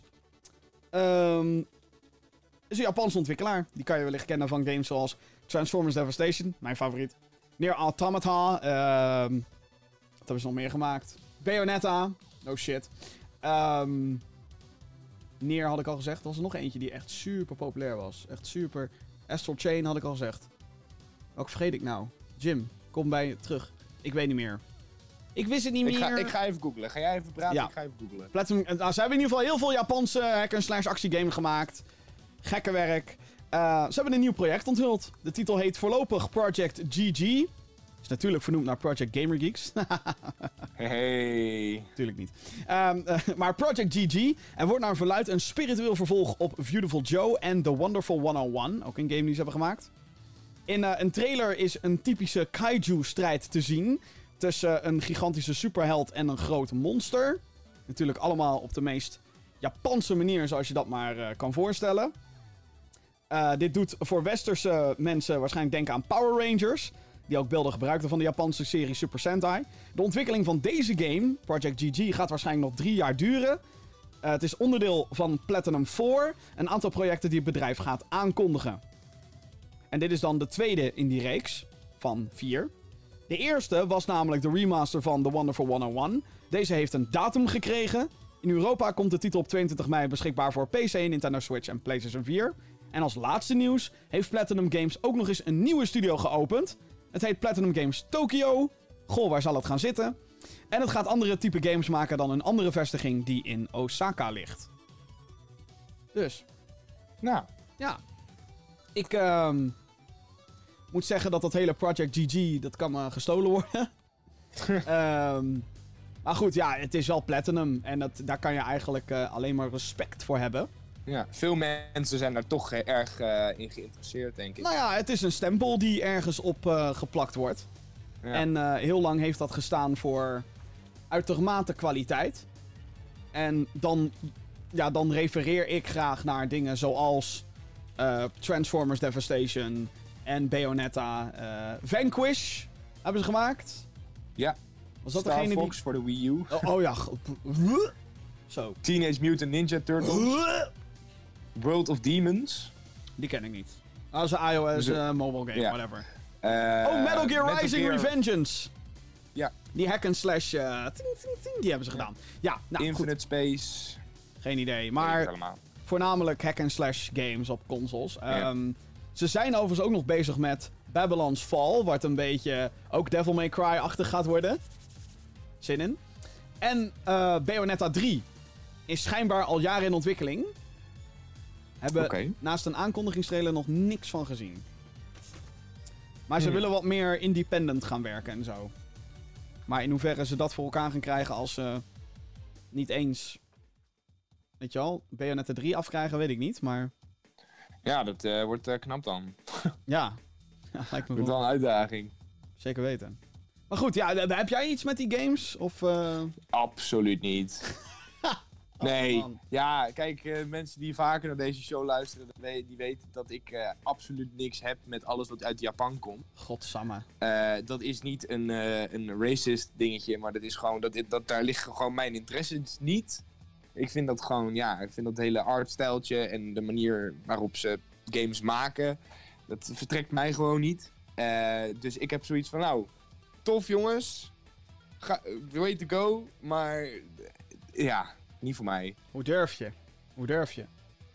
Ja, hoe durf je? Eh, sommige mensen die vinden Cyberpunk niks en dat vind ik dan weer fantastisch, weet je. Dat weet je dan niet, je hebt Sommige niet mensen vinden gespeeld. Sea of Thieves niks en dat vind ik weer fantastisch. Nee, je bent inderdaad een van de weinigen. Ach, hou je bek. Over eh, niches gesproken. Eh, Ubisoft heeft aangekondigd dat eh, de free-to-play race game Trackmania Nations een remake gaat krijgen. De game heet simpelweg Trackmania. En, ehm, nou, wat origineel. Ja, hè? Er moet een nieuwe start voor de franchise gaan worden. Het laatste deel hiervoor was Trackmania Turbo, die in 2016 verscheen voor PC, Xbox One en PlayStation 4. Trackmania is een online. Trackmania is een online racer met eh, hele simpele controls, maar gevuld met circuits die gemaakt zijn door de community. Talloze turbo boosts, grote sprongen en loopings passeren regelmatig de revue. De nieuwe eh, Trackmania komt enkel naar de PC en verschijnt op 5 mei al. Ze beloven dan allerlei seasonal content en shit en weet ik wat allemaal. Ik heb hier zin in. Ehm, wat overigens nog niet duidelijk is, is of deze ook free-to-play gaat worden. Ik heb zowaar mijn journalistieke taak gedaan. En ik heb eh, Ubisoft eh, teruggemaild. Ik kreeg persbericht binnen hierover. Van, yo, hoe zit het met de prijs? Moeten we... Want ze hadden het helemaal over seizoensgebonden content en seizoenscircuits en dat soort shit allemaal. En toernooien willen ze weer gaan houden, want Trackmania... een eh, live service dingetje. ja, Trackmania is echt... Er zit echt een grote e-sport zit daarachter. Maar dat zit dan echt in zo'n hoekje van het internet die de meeste mensen niet kennen. Ehm, maar ehm, ja, toen ik, toen ik dat vroeg van... Yo, hoe zit dat? Moeten we like, een prijs betalen? Of is het gewoon free-to-play? Of hoe zit dat? Nou, ehm, hallo Jim kreeg ik terug. Daar eh, maken we later meer bekend over. Nee, dat, de, dat deden ze er trouwens niet bij. Dat, maar Ze weten het nog niet. nou, ze weten het nog wel, maar niet iedereen zal er blij mee zijn, denk ik. nee. Anders zeg je gewoon, yo, het is gratis, maar of ze, ja, of ze weten het niet, zou dat? Zou toch wel Dat heel zou raar natuurlijk zijn. kunnen. Misschien dat, ze nog in die zijn. fase zitten van, joh, eh, we, gaan, eh, we zijn nog over na aan het denken wat we gaan doen. Ja, doen we een eh, skin voor je auto of doen we gewoon een soort Battle Pass systeem? Ja. Want het is nu natuurlijk alleen... Oh nee, het komt 5 mei al. Nee, dan moeten ze het dan wel weten, denk ik. Ja, nou, lijkt me van wel, ja, verdomme. ja. Ja, ik ben heel, ik ben heel erg excited, want Trackmania is, is zo leuk. Het is zo simpel, maar zo vet gewoon. Als het, zeker als je van die gekke circuits zijn met, krijgt met loopings en shit. En, en ja. Het is echt. eh, het gaat allemaal over time. Je moet gewoon zo snel mogelijk bij de finish komen. En. ehm, ik, ik raad ook van harte Trackmania Turbo aan, op welk platform dan ook. Ik vind het echt, echt briljant. Ehm, het is niet voor de simulatie, mensen, laat ik het zo zeggen. Het is gewoon. Nee. Ik wil racen. Voor de diehard racers. Nou, het kan wel lastig zijn om daar de hoogste tijden overal te halen. Dus wat dat Ja. betreft. Ja, het was zo'n lekkere no-care game is het. En wat dat betreft. eh, ja, de- ik, ik ben er blij mee. Maar het, feit dat het inderdaad nu pas wordt aangekondigd. En ze weten nog niet wat de prijs gaat worden. Of ze willen dat nog niet zeggen. Hmm, verdacht. Dat baart ons zorgen. Wie is de Yubi Mol? Is het Nathan? Anyway. Een oud-ontwikkelaar van studio BioWare heeft een interessant feitje gedeeld over de Mass Effect-serie. In de eerste drie delen van de RPG-franchise kon je als Commander Shepard allerlei keuzes maken die invloed hadden op de personages en de wereld. En dat ging dan ook door naar het volgende deel. Dat was helemaal tof van 1, 2 en 3 dan. Ehm, Mhm. De grote vraag is natuurlijk of je goed of slecht speelt. Volgens John Ebanger, ik hoop dat ik het goed zeg, want dat klinkt nogal fout. Maar ehm, hij heeft gewerkt als cinematic designer van onder andere Mass Effect. Hij heeft op Twitter gedeeld dat 92% van de spelers, 92%, die hebben de game als Paragon gespeeld. Met andere woorden, de good guy. Hij zegt er ook bij dat het zonde is, omdat ze veel moeite hebben gestopt in de kwade versie van je personage, die dus amper gebruikt is. Dus moet je nagaan, al die voice acting, al die cutscenes, al die cinematics. Pff, Ja. 8% van de mensen. Ja. Het is wel interessant om te, om te zien natuurlijk dat, dit, dat deze keuze zo gemaakt wordt. Want Ja, kijk, ik ben persoonlijk altijd voor de bad guy. Als ik zo'n keuze krijg. Ik You vind het leuk om te zien van hoe erg kan ik dingen verneuken. Ehm, dus misschien dat dit nu wel een call to action is van deze John. En dat hij zegt van jongens, pak die games weer eens op en ga als de bad guy spelen. Want daar hebben we superveel werk in gestoken. nou, het is inderdaad wel. Ik, ik, nou, ik, ik heb het nu een beetje met Horizon ook. Dan zit je naar die, naar die trophy-lijst zit je te kijken. Of op Xbox Achievements, weet je al. En bij PlayStation staat er dan ook bij hoe, eh, hoe zeldzaam het is dat je zo'n trophy hebt. Ja. Dus hoeveel procent van de mensen die Horizon ooit hebben opgestart, hoeveel procent van de mensen dan zo'n trophy hebben. En dan zie je dus dat ehm, nou, bij bepaalde quests of bij bepaalde dingetjes, zie je dan ook maar. En dan is Horizon nog een hoog percentage, denk ik. Maar volgens mij 6% van de Horizon Zero Dawn spelers heeft de Platinum. ja. Dus die hebben alles gezien wat in de game zit. Vind ik eigenlijk nog hoog. Dat is nog best veel, ja. Maar je, je ziet dan heel duidelijk, want heel, heel vaak heb je van die story missions en die hebben dan ook allemaal een trophy. En dan zie je bij de eerste paar zie je natuurlijk 96% en daarna 80% en daarna... Maar dan zie je op de helft al, halverwege de story, zie je al... Oh ja, er is echt nog maar 30% van de mensen die dit hebben gezien. En dan denk je ook van, wow, dat is, dat is altijd zo. Ik bedoel, ik heb ook een shitload aan games spelen die ik... waar ik nog lang niet klaar mee ben en die ik misschien een uurtje heb opgestart en daarna... "Wuh, ik ga weer wat anders doen. Oh, hey, Horizon. Oh, kijk, Resident Evil. Oh, Doom Eternal komt bijna uit. Weet je al, een beetje dat. Dus, maar 92%? Holy shit. Het is wel veel, het is echt heel veel. Holy shit. Terwijl, ja, ik weet niet, ik weet dus niet of, ik heb Mass Effect dus nooit gespeeld. Oh, Jim, hoe durf je? Dat kan toch niet, man? Nee, klopt. Ehm, maar, d- het lijkt me dan niet dat dit een game is die mensen dan overnieuw gaan spelen of zo. Want anders... Nou ja, percentage- misschien wel de diehard fans. Ja, oké, maar zijn dat dan die 8%? Ik weet ook natuurlijk niet hoe de game het presenteert. Want ze kunnen natuurlijk zeggen van... Hey, ehm, het is misschien juist heel goed voor je om goed te zijn. Ik vraag me af hoe deze statistiek zal zijn in bijvoorbeeld Bioshock. Ja. Want daar heb je ook continu krijg je daar die keuze van... Red je de Little Sister of sacrifice je de Little Sister voor meer Adam. Meer puntjes voor je upgrades. En dan is het interessante bij Bioshock is als je... Volgens mij, ik heb dit nooit uitgerekend... Maar volgens mij is het zo dat als je alle Little Sisters redt... krijg je dus meer of minder punten meteen. Maar dan laten de Little Sisters cadeautjes voor je achter... waar dan punten in zitten. Dus ik denk dat het in de long run dan gunstiger is als je ze allemaal redt. En je krijgt natuurlijk de good ending en dat soort shit. Maar ja, het is wel, ik, ik vond het heel interessant. Het viel mij op. Normaal ben ik niet zo van het één feitje over een game delen. Maar dit zegt toch wel heel veel over de gamers aan zich. We zijn good guys met z'n allen, jongens. We schieten alleen maar mensen in GTA neer. Omdat het moet. Oh jee. eh Kazu. Oh god, ik moet de Japanse naam gaan uitspreken. Het spijt me. Oké, het spijt me. Bijvoorbeeld al. Kazuhisa Hashimoto is overleden. Dat eh, zegt een gemiddelde gamer waarschijnlijk helemaal niks. Sterker nog, de hardcore waarschijnlijk ook niet. Maar wat nou als ik je zeg dat dit een man was die de bekende Konami-code heeft bedacht? De code werd vooral veel gebruikt in de NES-games van de uitgever. Het betreft de beroemde up, up, down, down, left, right, left, right, BA start sequentie.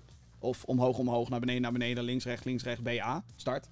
In de meeste games kreeg je met invoering van deze code, van Konami dan natuurlijk, eh 30 levens in plaats van het standaard aantal.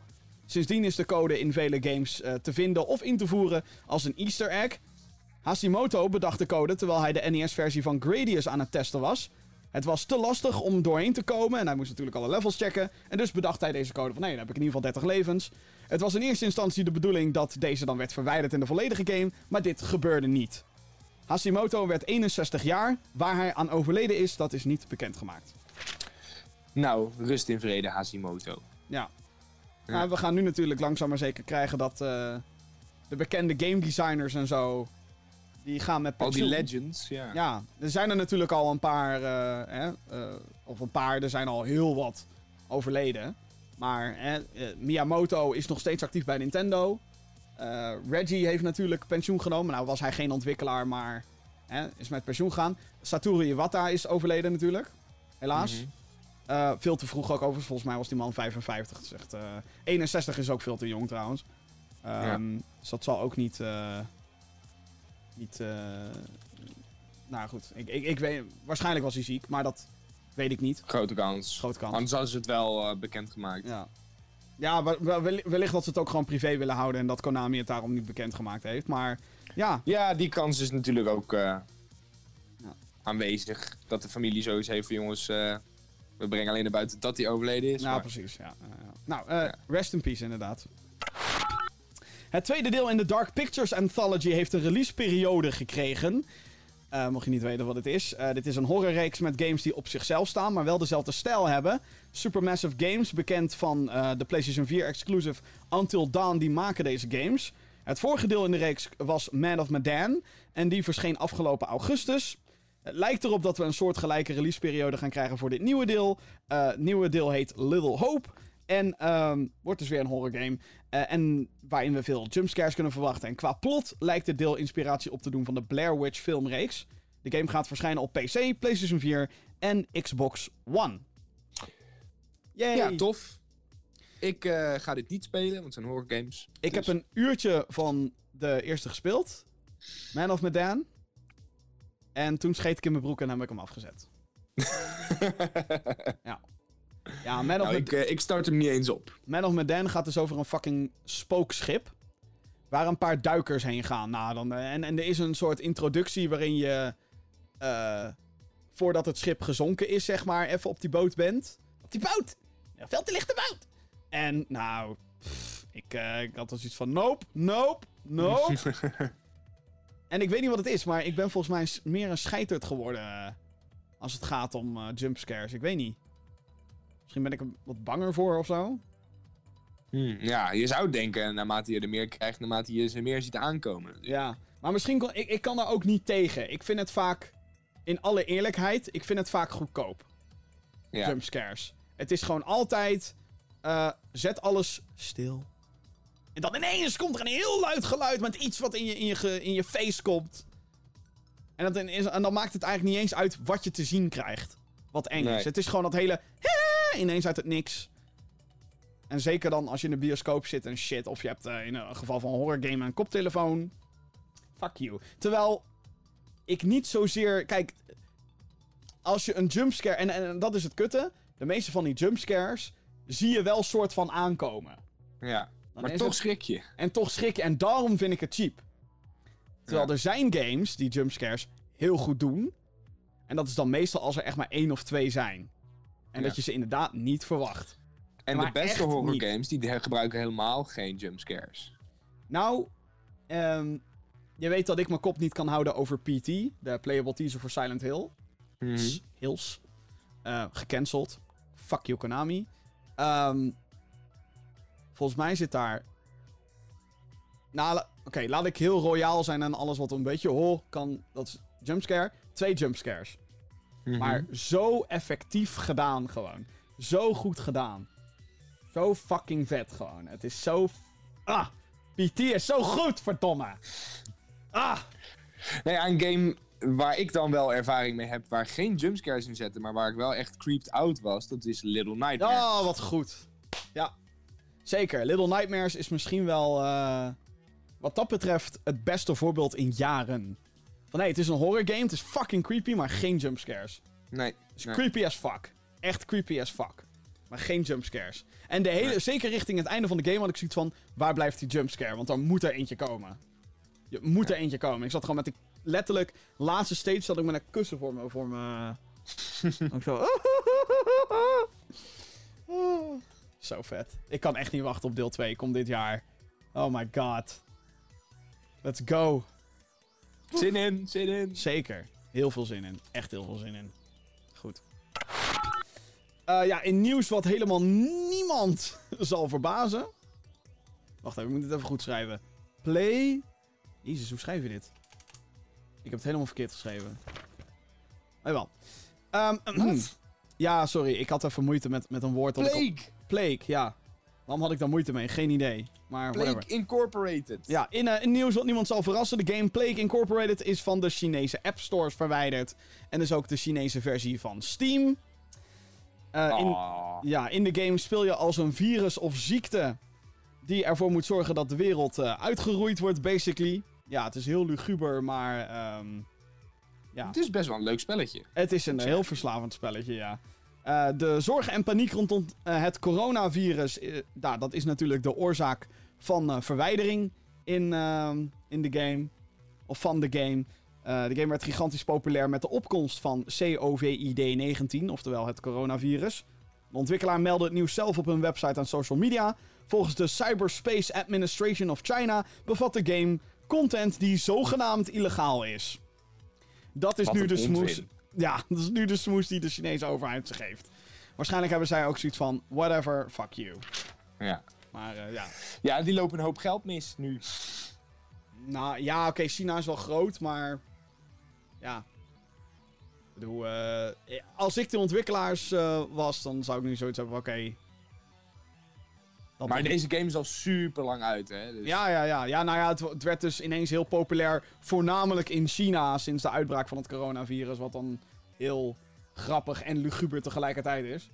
Mhm. Eh, Ja, er zijn toch mensen die daarop kicken op een of andere manier. ja, nou ja, het is ook in die zin wel.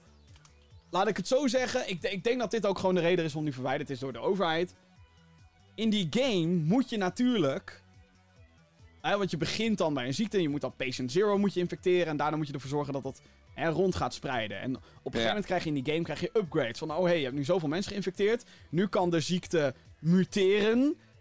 eh, zodat het bijvoorbeeld eh, door de lucht heen kan. Of zodat het immuun is tegen, immuun is tegen antibiotica of dat soort shit. En Mhm. dat. Kijk, als je de game ook speelt. Ik heb het een keer. Volgens mij heeft Vincent het ook een keer zitten spelen. Denk je wel van. Dit is fucking kut, jongen. Als dit echt zou gebeuren. Natuurlijk. Als je zo'n game gaat spelen en je zit in China waar de meeste gevallen zijn van het coronavirus. Dan zit je Mhm. natuurlijk van. Oh fuck. We zijn allemaal fucked. En wat China. China wil gewoon heel erg die schijn ophouden. Van er is niks aan de hand, jongens. Niks aan de hand. Ja. Is niks aan de hand, echt waar. Kijkt u naar me? Hoor je dit? Er is niks aan de hand. Er is helemaal niks aan de hand! Dat is wel een beetje hoe China momenteel in elkaar steekt. En. Terwijl wij hier juist met z'n allen. Kut, coronavirus, er is van alles en nog wat aan de hand. Ja, de brand is nog net niet uitgebroken, zeg maar. Maar nee, het is echt gewoon. eh, Oh, wacht, hoor je dat? Ja, dat is weer een supermarkt die eh geraid wordt door allemaal wanhopige mensen. Die nu Doomsday bunkers aan het bouwen zijn. Ik hoorde al dat Raccoon City opgeblazen gaat worden door een nucleaire bom. Spoilers voor de Resident Evil franchise, maar eh, ja.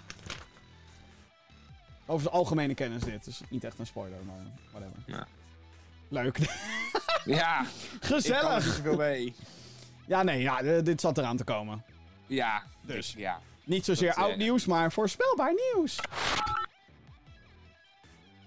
Oké, eh, gaan we naar een van jouw favoriete ontwikkelaars. Yay!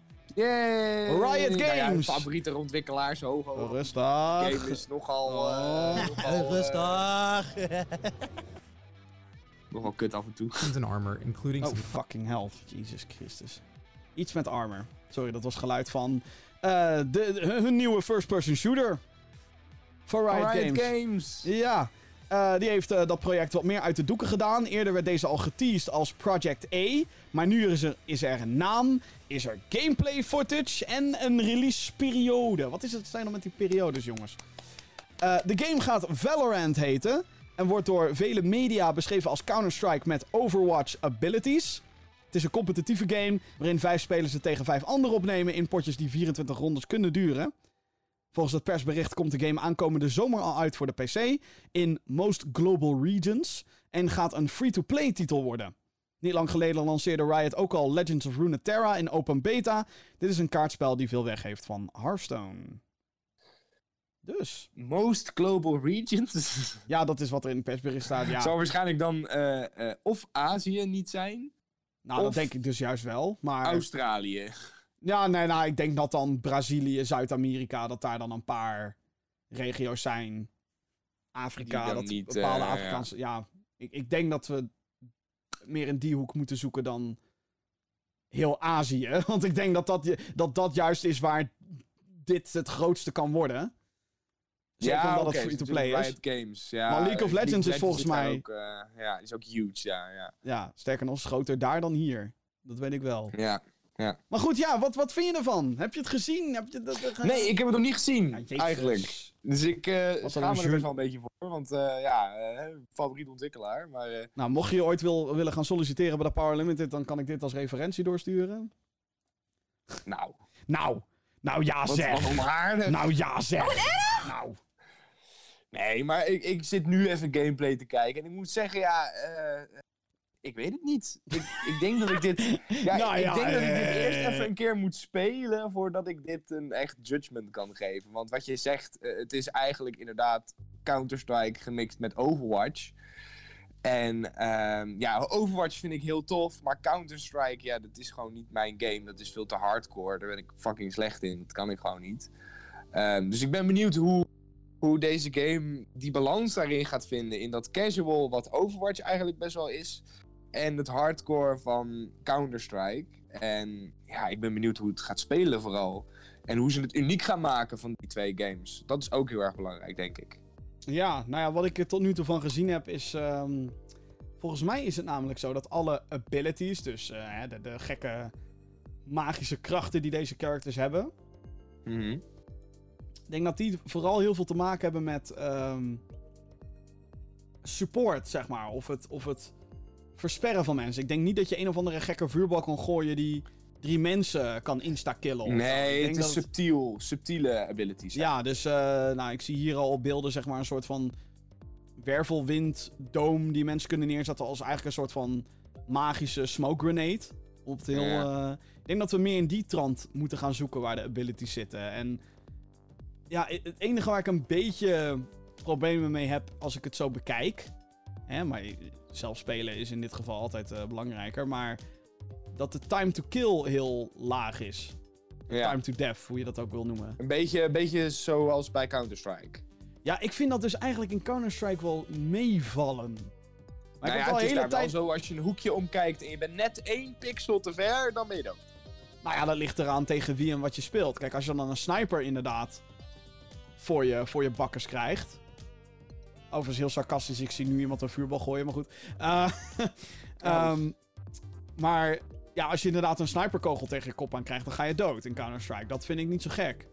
Ja. Maar als je tegen een AK iemand ging schieten en die had body armor... Mhm. Ja, dan kostte dat wel echt vijf goed geraakte kogels om iemand te halen. En dan ben ik waarschijnlijk nog heel snel qua iemand dood te rekenen. Denk ik. ja, ja. Maar ja, dit is allemaal een beetje. Dit is heel erg vroeg beoordeeld natuurlijk. eh. en, en de reden waarom ik dat zeg is omdat ik Call of Duty veel speel de laatste tijd. En als je ergens snel doodgaat, is het daar wel. Zo, maar echt. Het zegt gewoon, je, je, je kan je communiceren of je bent dood. Ja. Ehm, en dat hoort ook heel erg bij het arcade van Call of Duty natuurlijk. Maar ja, Counter-Strike is veel tactischer. En dat is vooral wat ze ook willen pushen. Hè. Dit moet een tactische shooter worden, vinden ze. Ja, ik ben, eh, ben wel heel erg benieuwd eh, wat dit gaat worden. En of dit gaat aanslaan, vooral. Dat vooral, ja. ja. Ik denk dat, omdat het al free-to-play is en zo. En ze al, hè. eh, Ja, maar ja, kijk, of ze mensen gaan krijgen, dat is één. Maar of ze de mensen kunnen vasthouden, dat is natuurlijk twee. Dat is altijd een goede vraag, Jan. We gaan het zien. Oh, man. Eh, oh, dit, dit is zo'n prachtig verhaal, dit. Oh ja, hier heb ik het vandaag ook eh, over gehad. Die hebben wij zo om de dubbel gelegen vandaag. Een opvallende situatie in de FIFA e-sports. Tijdens een kwalificatietoernooi moesten twee professionele spelers van FIFA 20 een wedstrijd oplossen door digitaal steenpapier schaar met elkaar te spelen. Dit was omdat de servers van een populaire voetbalspel, en dan heb ik het over FIFA, niet over steenpapier schaar. ehm, de servers daarvan begaven het tijdens eh, het toernooi. EA Sports eiste kennelijk dat er een winnaar werd gekozen. En dit werd dus gedaan door middel van het klassieke gebarenspel. De community is begrijpelijk in en roer omdat het bedrijf kennelijk zijn eigen, eigen game niet serieus neemt. En dus professionele tournaments laat afhangen van steenpapier schaar. ik vind het ergens wel echt super grappig. Kan toch niet? Het kan echt niet, maar het- ik vind het echt mega grappig. Dat Normaal hun eigen servers down liggen en dat ze gewoon dan zeggen: jongens, steenpapier schaar. Dat is Normaal hebben we het nooit over e-sports in dit programma, maar dit vond ik te mooi. Dit, dit, dit, what the fuck? Ja ik, ja, ik heb er ook niet zoveel aan toe te voegen. Ik vind het fucking grappig. Ja, maar je moet je toch kapot gaan schamen als IE zijnde. Dan moet je toch... Iemand daar bij IE moet nu, nu toch ook zoiets hebben van... Guys, zullen we dit anders gewoon niet doen? Ja. Dat is toch gewoon erg. Het is, eh, ja. Ja. Ja, ik. eh Nee, ik vind het gewoon alleen heel grappig. Ja, ik, ook. Eigenlijk, ja. En ik hoop dat ze hun lesje nu geleerd hebben door gewoon die server te laten werken. Dat ook. Yay. Er is een release datum vrijgegeven voor Death Stranding voor de PC. Afgelopen, no-. Afgelopen november verscheen de nieuwe titel van Hideo Kojima al voor de PlayStation 4. Ehm, hierin speel je als Sam Bridges, gespeeld door Norman Reedus, die een netwerk moet herstellen over de Verenigde Staten die zich in een paranormale crisis bevindt. Of iets in die trant. ik snap er ook geen drol van. Ik heb het een klein beetje gespeeld, niet heel veel, moet ik daarbij heel eerlijk bekennen. De game verschijnt op zowel de Epic Game Store als op Steam op 2 juni. Voor de PC-versies zijn onder andere beloofd een nieuwe fotomode, hogere framerates, ultra-wide monitor support en stukjes content uit Half-Life voor de Steam-versie. Waarschijnlijk allemaal cosmetisch. Dus ja, dat. Death Stranding, Ja. 2 juni, PC. yay. Ik ga hem nog steeds niet spelen. Nou ja, Ja, dat- deze game heeft ook totaal mijn interesse niet. nou ja ik, ik, heb er stukjes gameplay van gezien en... Ja, ik heb dus wel interesse om nog door te spelen op de PlayStation. Maar als ik zeg maar moet kiezen tussen. Nou, ik weet niet, Resident Evil 2 uitspelen voordat deel 3 uitkomt in april. En dit. of dan- Horizon Zero Dawn. of Horizon Zero Dawn de Platinum halen, ja, inderdaad. Ja. ja. Maar het is, ja, het is gewoon een, vooral een hele interessante game, omdat het heel veel dingen anders doet. Maar of dat dan goed is, dat weet ik nog niet. Daarvoor heb ik ook te weinig gespeeld, moet ik heel eerlijk bekennen. Nou ja, de, de vraag is natuurlijk, is het vermakelijk? Ja, nou ja, op dit moment was het voor mij vooral heel integrerend. Maar niet integrerend genoeg dat ik zei, ik leg Horizon even eh, weg. Oké. Nou ja, eh, misschien na Horizon dan eh, Ja, nou wat ik al zei, ik ga eerst op Resident PC. Evil 6 Ja. Met Half-Life. Ja, met Half-Life. Dat is gewoon om al die fanboys weer even te pushen. Ja, tuurlijk. Het is gewoon, eh hey, nu, gaan, nu, gaan we, nu gaan we verdomme... dat is hetzelfde als dat ze zeggen, jongens, Death Stranding met lightsabers. Nou, wist je dus dat er ehm Death Stranding dingetjes te vinden zijn in Horizon Zero Dawn? Wat? Ja, Echt? ja. ik heb er nu twee gevonden van de drie. Dan zie je ineens een eh, paars logotje ergens. Mhm. Van, hé, hey, dit kan je oppakken. En dan zie je een Kojima Productions logo. En eentje was een necklace en andere dat waren shackles. Terwijl handboeien. Nou, dat zijn twee dingen die we al hadden gezien in de eerste trailer van Death Stranding. Volgens mij krijg je een, kan je een of ander item krijgen of zo wat te maken heeft met Death Stranding. Wat heel grappig is. Oh, wat sick. Ook weer cross, cross-promotie noemen wij dat. Hey.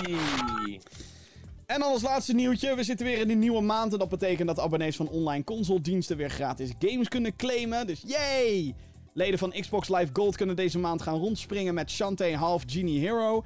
Kunnen Superheld of niet spelen in Batman Enemy Within. Dat is de tweede Telltale game is dat. Vampieren slachten in Castlevania Lords of Shadow 2. En fucking snel rennen in Sonic Generations. Volgens velen een van de beste Sonic games ooit gemaakt trouwens. Hey, hey, hey. Abonnees van Google Stadia Pro. Ja, deze is voor jullie alle drie. Die kunnen in maart aan de slag met. Die kunnen in maart aan de slag met Grid, SteamWorld Dick 2 en SteamWorld Quest. PlayStation Plus bezitters krijgen deze maand een fantastische remake. Al zeg ik het zelf. Nou, niet dat ik hem zelf heb gemaakt, maar ik vind hem fantastisch. Eh, de remake van Shadow of the Colossus en Sonic Forces gratis op PlayStation 4. Ja, ja, ja. Dus claimen, claimen, claimen, mensen. Allemaal claimen, claimen, claimen. Ook al ben je niet van plan om het nu allemaal te gaan spelen. Gewoon Het zijn gratis games. gratis games. Je, je bent toch al geabonneerd geabonneerd op die dienst omdat je online wil spelen. Of omdat je bij Google, in het geval van Google Stadia, Google Stadia wil gebruiken. Dus ehm, ja, gewoon claimen dus. Gewoon, Ja, gewoon lekker, lekker, lekker, lekker doen. En tot zover het nieuws. Heb jij een vraag voor de show? Mail naar podcast@gamergeeks.nl. Dus doe dat hè mensen. Jeetje, wat een waslijst, hé, dat nieuws. Ja, nee, het was heel veel. Maar dat kwam ook... Kijk, wij nemen dit dus op op een maandag. Normaal nemen we deze show op op eh, een zondag of een, of, een, of een zaterdag of whatever.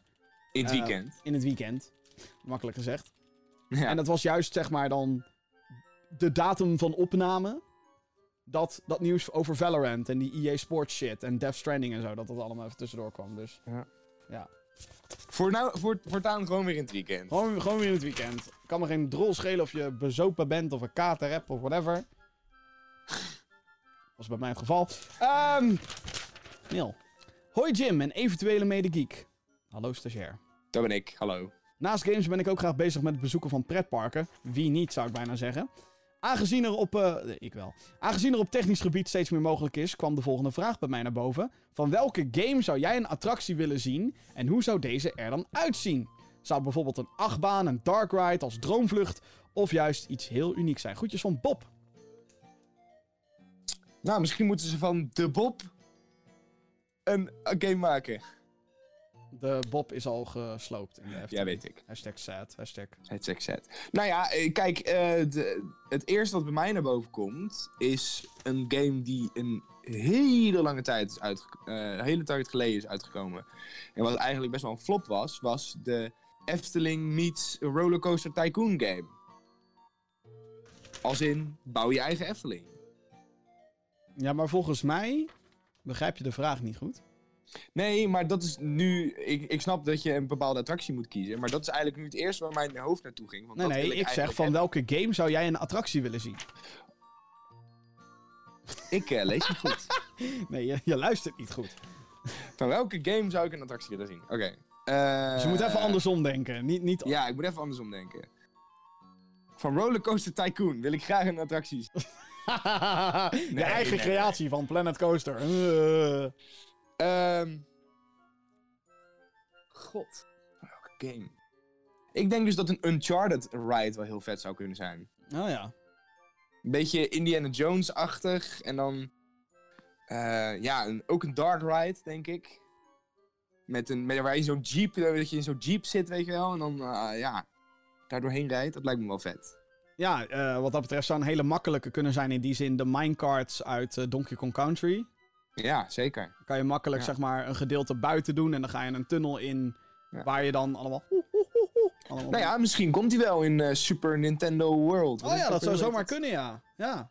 Het zou wel vet Super zijn. Nintendo World, heette het zo? Ja, Super Nintendo World, ja. Oh, oh goed onthouden, hey. Dat, dat weet ik dan wel.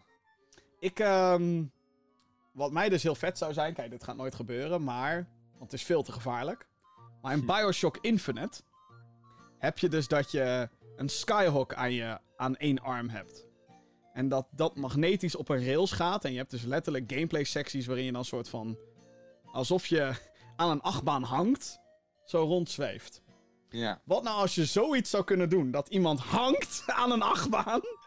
Kijk, normaal zijn mensen al pissen al in hun broek als hun, als hun voetjes vrij, zeg maar, vrij kunnen, weet je wel? Bungelen, ja. Bungelen.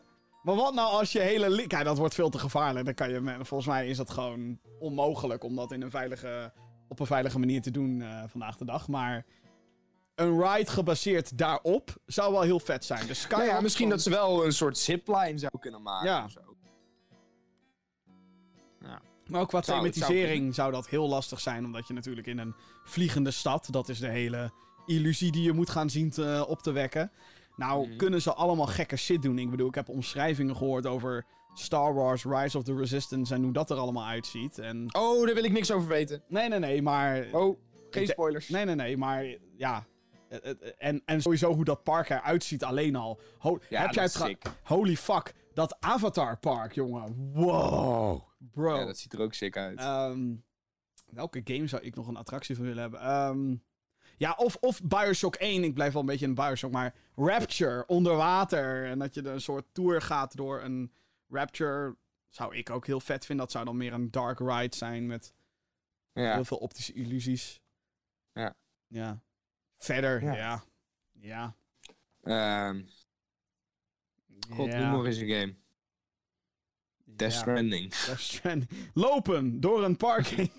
Lopen door een veld met een fucking dik pakket op je rug. Ja, Ja. ja heel, hele leuke attractie. Nou ja, ik zou dus denken, Nou, ja, iets fuck. met Mario of zo. Bro, gewoon Blizzard World uit Overwatch, maar dan in real life. Oh ja, dat zou wel sick zijn. Gewoon ja. een Blizzard pretpark.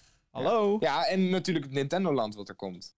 Ja. Ik ben wel benieuwd wat, ze- wat ze daar voor attracties in gaan eh, planten. Piranha, piranha planten, of wat? Jij snapt hem. Hey, hey. Hey. Kijken. Ja, ik zit nog echt te bedenken, kan ik nog iets... Kan ik nog iets verzinnen wat... eh, wat echt een toffe, toffe attractie zou nou ja, zijn? eh, je hebt natuurlijk in, eh, in bijvoorbeeld in, in, met Halloween in Walibi heb je van die scare houses. Oh, Misschien dat ze daar iets met Resident Evil zouden kunnen doen of zo. Ja, een Resident Evil spookhuis. En, ja, of Of PT. PT Spook, ja, daar is dan PT denk ik te niche voor. Dan zou je inderdaad een Resident Evil attractie... eh, Resident Evil. Ja, gek. hey, zo'n... ehm, God, oh man. Eh, ken je in Movie World? Warner Brothers. Movie World. Had je ooit een Gremlins attractie, had je daar. Oh ja, ja, ja. zeg maar zo'n karretje en dan ga je zeg maar door allerlei sets heen en zo. En dan zie je dat die gremlins alles slopen en shit. Nou, wat nou als je dat concept pakt, maar dan met Resident Evil. Dan ga je eerst door die mansion heen. En dan ga je naar Raccoon City en dan kom je langs dat politiebureau en dan ga je door de stad heen. Oh my god! Hoe vet Make dat- it happen! Do it. Do it. Do it. Als je echt heel veel geld hebt, do it. Do it. Maar echt heel Ja. veel geld. Nee, ik denk dat je over bijna... Over heel veel games kan je dat soort dingen wel verzinnen, denk ik. Ja. Eh, achtbanen sowieso. eh, ja, dark rides. Welke dromerige game zou je van een dark ride kunnen... Zo'n sprookjesachtige game. Ori and the Blind Forest... Holy fuck. Een droomvlucht, maar dan met Ori and the Blind Forest muziek? Sign me the fuck up. Sign me the fuck up. Do it. En Ja, jij wil ook natuurlijk iets een... met Zelda of zo? Ja, Legend of Zelda? ja, ja. Ik weet niet exact wat, wat dan. Maar Ik weet ook niet precies iets, ja. ik denk, jij gaat zeggen, ik wil gewoon Pirates of the Caribbean, maar dan met een fucking Sea of Thieves jasje eroverheen. Ja, Ja. het zou wel tof zijn, maar ik denk niet dat, dat, dat die game daar geschikt voor is. Oké. Puur omdat er niet echt... Ja, er begint wel steeds meer een verhaal te- in te komen in die game. Maar het zou eigenlijk wel kunnen. Nu heb ik een zaadje geplant en die gaat er niet meer uit. Nee. Ehm, Ja, het zou eigenlijk wel kunnen. Zou eh, of, een, zijn. of een Little Nightmares horror house of. Oh, nee, daar ga ik niet naar binnen. Tuurlijk wel, joh, is leuk. Nee. Is leuk, is leuk. Oh, Cyberpunk. Oh. Ja, nou, met Johnny Silverhand. een cyber- Weet je, zoals ik ken, je de, de eh, Van Halen attractie van, eh, of hoe heet het ook alweer? Van Helsing. Van Helsing uit, Van Halen is een band. ik wou net zeggen, wat, eh, heb je nou over van de Rock and Helsing Roller uit, Coaster? Movie Park. Nee, dat is echt te lang geleden. Nee, dat weet ik niet meer. Oh, nou daar zitten dus allemaal soort hologrammen, eh, kom je ook langs en zo, van, Oh. van, van Helsing. Wat als je dat nou met Cyberpunk en dan met Johnny Silverhand en dat je hem overal ziet en dat je dan door Night City heen gaat? Holy fuck. Ja, of gewoon... eh, oh, eh, Castlevania... eh, ding. Oh, je kan ook nog. Ja. ook heel goed kunnen werken, denk ik. Ja, heel veel van die attracties, eh, of heel veel game IP's Games, denk ik ja. wel geschikt voor. Ja. Ja. nou goed, je merkt het al, genoeg ideeën. Volgende mailtje. Hey Jim en mede geek. Korte, super serieuze vraag staat erbij. Super serieus. Serious face. rank deze game met dogs in de naam. Sleeping Dogs, Watch Dogs, Watch Dogs 2, Nintendo Dogs. De tandjes. Wacht, ik ga eens even opschrijven, want dit kan ik allemaal niet onthouden. Nintendo. Voor mij staat op 1, denk ik, Watch Dogs 2. Dan denk ik Sleeping Dogs. Daarna Nintendo Dogs. En daarna de eerste Watch Dogs. Want Watch Dogs 1 vond ik echt fucking boring. Eh, Oké, ik ga voor. Ik heb totaal niet op zitten letten wat jij net gezegd hebt. Maar ik ga voor. Watch Dogs 2, Nintendogs, Watch Dogs 1 en dan Sleeping Dogs. What? En dat komt omdat ik Sleeping Dogs niet gespeeld heb, dus daar Oh. ga ik geen oordeel over veilen. Geloof mij maar, Sleeping Dogs is leuker dan... Nintendogs. Ja. nou, bedankt voor deze serieuze vraag. Ja, ik vond hem heel leuk. Hier is je serieuze antwoord. Ik vond hem heel leuk. Ik vond hem heel Ja. leuk. Vond hem creatief gevonden. Wie Ja, heeft ook deze gestuurd? Eh, dit was... Oh, sorry. Dit was Tim. Goedje van nou, Tim. Tim, Hij zei ook erbij, veel succes. Inderdaad. Ga, ga zo, zo door. ga zo door, Tim. Mailbox minigame. En Ruben, die heeft een nieuwe mailbox minigame Oh, daar gaan we. gemaild. Hij zegt, ik heb een twist bedacht op de mailbox minigame. Ik noem een spel en jullie noemen of die underrated, overrated of well-rated is. Dus vinden we dat de receptie van een spel, nou dat was, hè, underrated is dan dat wij hem veel beter vinden dan dat hij over het algemeen gevonden wordt. Mhm. Overrated natuurlijk tegenovergestelde, van oh, iedereen vindt het fantastisch, maar ik vind het kut. En well-rated is dat je het gewoon een beetje eens bent met eh, wat, wat er over het algemeen gezegd wordt. Ja, oké. Oké, nummer Nou, 1. leuke twist. Call of Duty Modern Warfare uit 2019. Eh, well rated. Ja, ik zeg ook well-rated. Er zitten nadelen aan, voordelen. Je hebt een kant van het internet die de fucking game haat om heel veel redenen. En daar kan ik me wel in vinden. En je hebt dan een kant die het fantastisch vindt. Dark Souls 3. Wij zitten allebei een beetje in het midden, denk ik. Ja. Dark Souls 3. Niet gespeeld. Dus daar ga ik niet over oordelen. Ik zou bijna willen zeggen overrated, maar dat komt omdat ik het spel niet kan uitspelen. Resident Evil 2. En ik denk, Ook niet gespeeld. ik ga er even vanuit dat je het over de remake hebt. Die is gewoon well rated. Wordt gewoon gezien als een fucking goede game. En dat is het ook. Oké. Bloodborne. Ja, well rated. Ja, well rated. Ja. Wordt gezien als een van de beste, be- beste PlayStation 4 games. En dat is het ook. No Man's Sky. Nou, deze is lastig. Underrated. Vind jij underrated? Ja, die hebben zo'n turnaround gemaakt. Dames en heren, Eh, ik denk dat daar te weinig aandacht voor is geweest. ik zeg overrated. Wat? Ja. Je kan nu wel gaan juichen dat die game nu zogenaamd leuk is. Ik vind de gameplay loop alsnog fucking boring.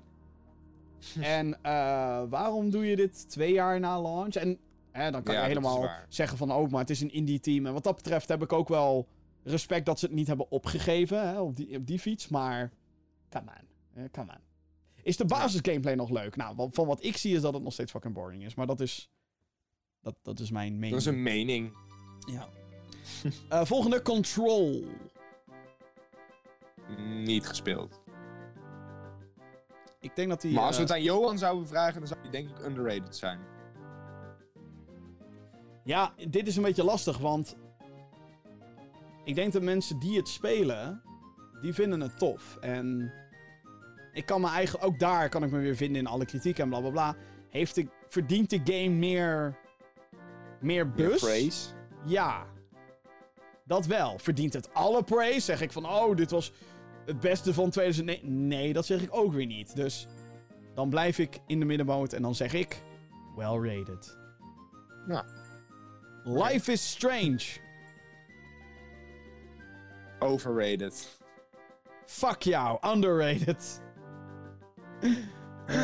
ik heb die game gespeeld, dus ik mag dit zeggen. Ja, maar één episode gespeeld, bitch. Ik heb twee episodes Wauw, gespeeld. je hebt twee van de vijf episodes gespeeld, bitch. Ja, ik kwam er niet in. Ik ben er op een gegeven moment mee gekapt. Nou, het is ook niet de bedoeling dat je seks gaat hebben met Max. Het is gewoon de bedoeling dat je naar die personages kijkt. Dat je... je hoeft er niet meteen in te gaan, Jeppie. Ik weet niet wat ze je daar allemaal vertellen bij RTL, maar je hoeft niet overal in te gaan, oké? Je Niet overal. Not funny. Didn't, Didn't laugh. not... Wauw, die moet ik onder mijn onder mijn bordje zetten hier. zo. Ja, ja, ja. Not... Oké. Eh, underrated natuurlijk. Eh, Resident Evil 7. Ik weet niet, heb ik niet gespeeld. Zeg Ja, Jeppie. klopt. Ik, volgens mij is deze well rated. The Witcher 3. Deze heb ik dan weer niet gespeeld. Eh The Witcher 3. Ja, ik denk dat die ook well rated is. Het is wel echt een fucking goede game.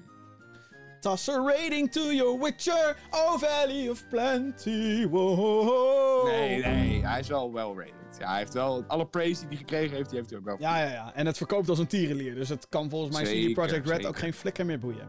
Nee. Rise of the Tomb Raider. Dit was de tweede in Trilogy.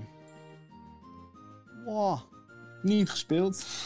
Ik vond de eerste reactie wel heel erg overdreven van 9 out of 10 en shit. Dus wat dat betreft is het overrated. Ik vond het een vermakelijk spel. Maar het was bijna gelijk aan 2013. Sterker nog, ik vond Tomb Raider 2013 een beter verhaal hebben nog. Ja. Ja, ik weet niet. Ik, die hele Tomb Raider trilogy is bij mij een soort samengesmolten. Ik zou de ene niet van de andere kunnen onderscheiden, wat heel erg is. Het voelt allemaal als één hele lange game. Ja, maar dan niet in de positieve zin. Dan zei eh, serieus, als iemand nu... hey, ik wil de Tomb Raider game spelen. Welke raad je aan? Dan zou ik zeggen, hey, speel 2013, zeg maar, de Ja. reboot. En wil je meer van dat, maar echt letterlijk wil je meer van dat, ja, speel dan de volgende. Maar zoek je naar verbetering binnen die games, die ga je bijna niet vinden. Ze hebben natuurlijk wel Nee, wat dingen nee. veranderd, maar ja. Dus wat dat betreft misschien overrated. Hmm. Uh, Assassin's Creed Syndicate. Nou, ik ben dus nu aan het spelen. Ook een beetje... eh, Omdat hij gratis is geweest op de Epic Omdat hij Games Store. gratis is, ja, precies. Ik vind hem best wel leuk. Dus ik denk underrated. Ik eh, vind deze ook underrated. Dit is echt een hele goede Assassin's Creed game. Ja. Het is ja. niet per se de beste Assassin's Creed game. Nee, zeker niet. Maar, Maar het eh, heeft wel een plek binnen Zeker. Sterker nog, de- deze wordt altijd een beetje zo weggeschoven van fuck it. En Mhm. toegegeven, er zat veel meer in deze game. Veel meer. Er had veel meer in kunnen zitten. Maar ehm, ja, deze game heeft gewoon heel erg geleden aan het feit dat deze na Unity kwam. En Unity was gewoon heel erg kut. Ja. En dit eh, had wel wat interessante ideeën. En het tijdperk vond ik ook heel interessant. De industriële revolutie in Londen. Ja. Dat hele gang war en zo. Ja, dat vind ik dus juist het aspect wat ze niet zo vet hebben neergezet. En Mhm. Jack the Ripper was fucking DLC. En ik vond dat dat juist een groot gedeelte in de main game had moeten zijn. Want hallo, het is het tijdperk van Jack the Ripper. Fuck. Ja. Waarom Ja. was dat niet gewoon in je main plot het geval? Piece Waarom of was hij niet Eden, gewoon de bad guy? Piece of Eden, Jack the Ripper. Gewoon. pff, ja, misschien zit dat in die DLC. Maar die heb ik nooit gespeeld, want. Nee. Me. Ja. Ja. Assassin's Creed Unity. well rated. Well rated. Fuck die game. Ja. Fuck die game. Well rated als het negatief is. Dit is serieus. Ik blijf het zeggen. Ik blijf het herhalen. Unity is een van de slechtste in de fucking franchise. Ja. Misschien wel de slechtste van de hoofddelen. Denk ik? Ja. 100%. ja, sowieso. Samen met eh 3 misschien. Ja, 3 was gewoon heel disappointing. Maar Unity was gewoon slecht. Het was gewoon broken. Nou, ook met eh, eh, heel veel mensen. Ik bedoel, die review van Assassin's Creed Unity op Gamer Geeks is inmiddels fucking vijf jaar oud of zo. En ik krijg nog steeds krijgen we daar commentaren op van. Ja, maar het is nu verbeterd. Eh. Zelfs dan. Het verhaal is bullshit. De skills zijn bullshit. Parijs is wel fucking mooi nagemaakt, toegegeven. De gebouwen, holy shit. Maar de camera en de combat system. Uh, het verhaal. Ja. Uh. De core, de core is Ah. niet goed. Anyway. Eh, overrated. Alsnog. Assassin's Creed Odyssey. Dat is de laatste. Eh, Laatste. ik denk dat hij alle praise die hij heeft gekregen, dat hij die verdient. Ik eh, vind hem well rated, ja.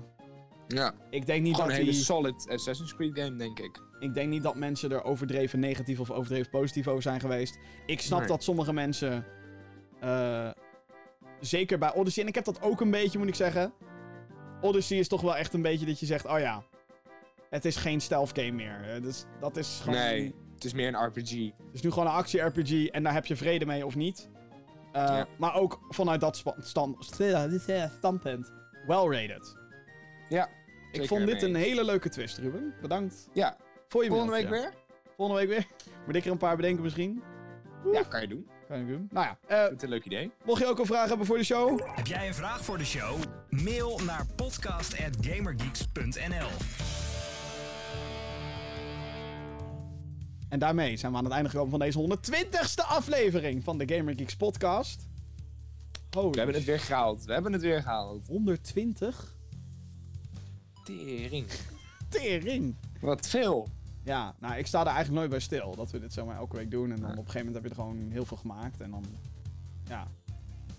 Dat. Goed, Bijna eh, 120 weken op rij. Ja, nou, nee, dat niet hoor. Dat, eh oef. Bijna 120 weken. Zeker, zeker het eerste jaartje van de Gaming Geeks podcast heb ik toch wel heel vaak een weekje gezegd. Nou, nee. maar goed. tegenwoordig niet meer hoor. De Tegenwo- streep gaat eraf. Nou, serieus. we Echt, eh, er gaat een riot. eh I predict a riot. Als, eh, dan staan er mensen met fakkels en hooivokken voor de deur. Waarom is er geen Gamer Geeks Ja. podcast? was gisteren al. Toen moest ik ze wegsturen. zei ik, oh, ik ben er morgen. Oké. Anyway, eh vond je dit enigszins leuk? En denk je, nou, die podcast wil ik eh, inderdaad elke week. Ik wil het meteen binnenkrijgen. Ik wil het meteen luisteren als het er is. Zou zeggen, abonneer op de podcast via je favoriete podcastdienst. Zoals Google Podcast, Apple Podcast of Spotify. Kan je daar een recensie achterlaten. En volg je deze show via het leuk? Doe dat dan. Vijf sterren op bijvoorbeeld iTunes of Apple Podcast. Dat helpt ons heel erg in de ranglijstjes. Ehm, er is ook een videoversie natuurlijk op youtube.com slash gaminggeeksnl.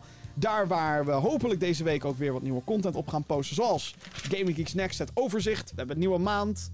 Dat is maart. Er komen fucking veel vette games uit. Zoals Doom Eternal. Wat is er de rest nog? Oh ja, Animal Crossing. Who cares? Doom Eternal. Anyway. eh, nou, tot zover de helft van de abonnees van deze show. Maar ehm, overrated, by the way. Animal... Oh. Oh. Oh. Anyway. Volg ons YouTube kanaal. Eh Ja, en over, over dat YouTube-kanaal. eh, Ja. Als je dus deze show tof vindt en de rest van de content, zet dan even het belletje aan. Hey. Het belletje zit naast het abonneerknopje, dus druk eerst op abonneer en daarna het belletje. Dan word je altijd op de hoogte gebracht als er een nieuwe video of podcast of dat soort dingen is. Dan Exact. krijg je gewoon notificatie, een pushmelding op je telefoon en dan kun je meteen kijken. Bam. hey, ben je als eerste op de hoogte? Zeker. Dat weet ik dan weer. En als je ons op Twitter volgt. Het Gaming Geeks NL. Ja. En op Facebook en op Instagram. En, En overal. Gamer Geeks. overal. We nemen de wereld over. Maar niet zo snel als dat de Power Limited dat ooit heeft gedaan. Nee, nee, nee. Alles behalve zelfs. anyway, bedankt allemaal voor het luisteren naar deze 120ste aflevering van de Gaming Geeks podcast. Tot de volgende keer. Doei.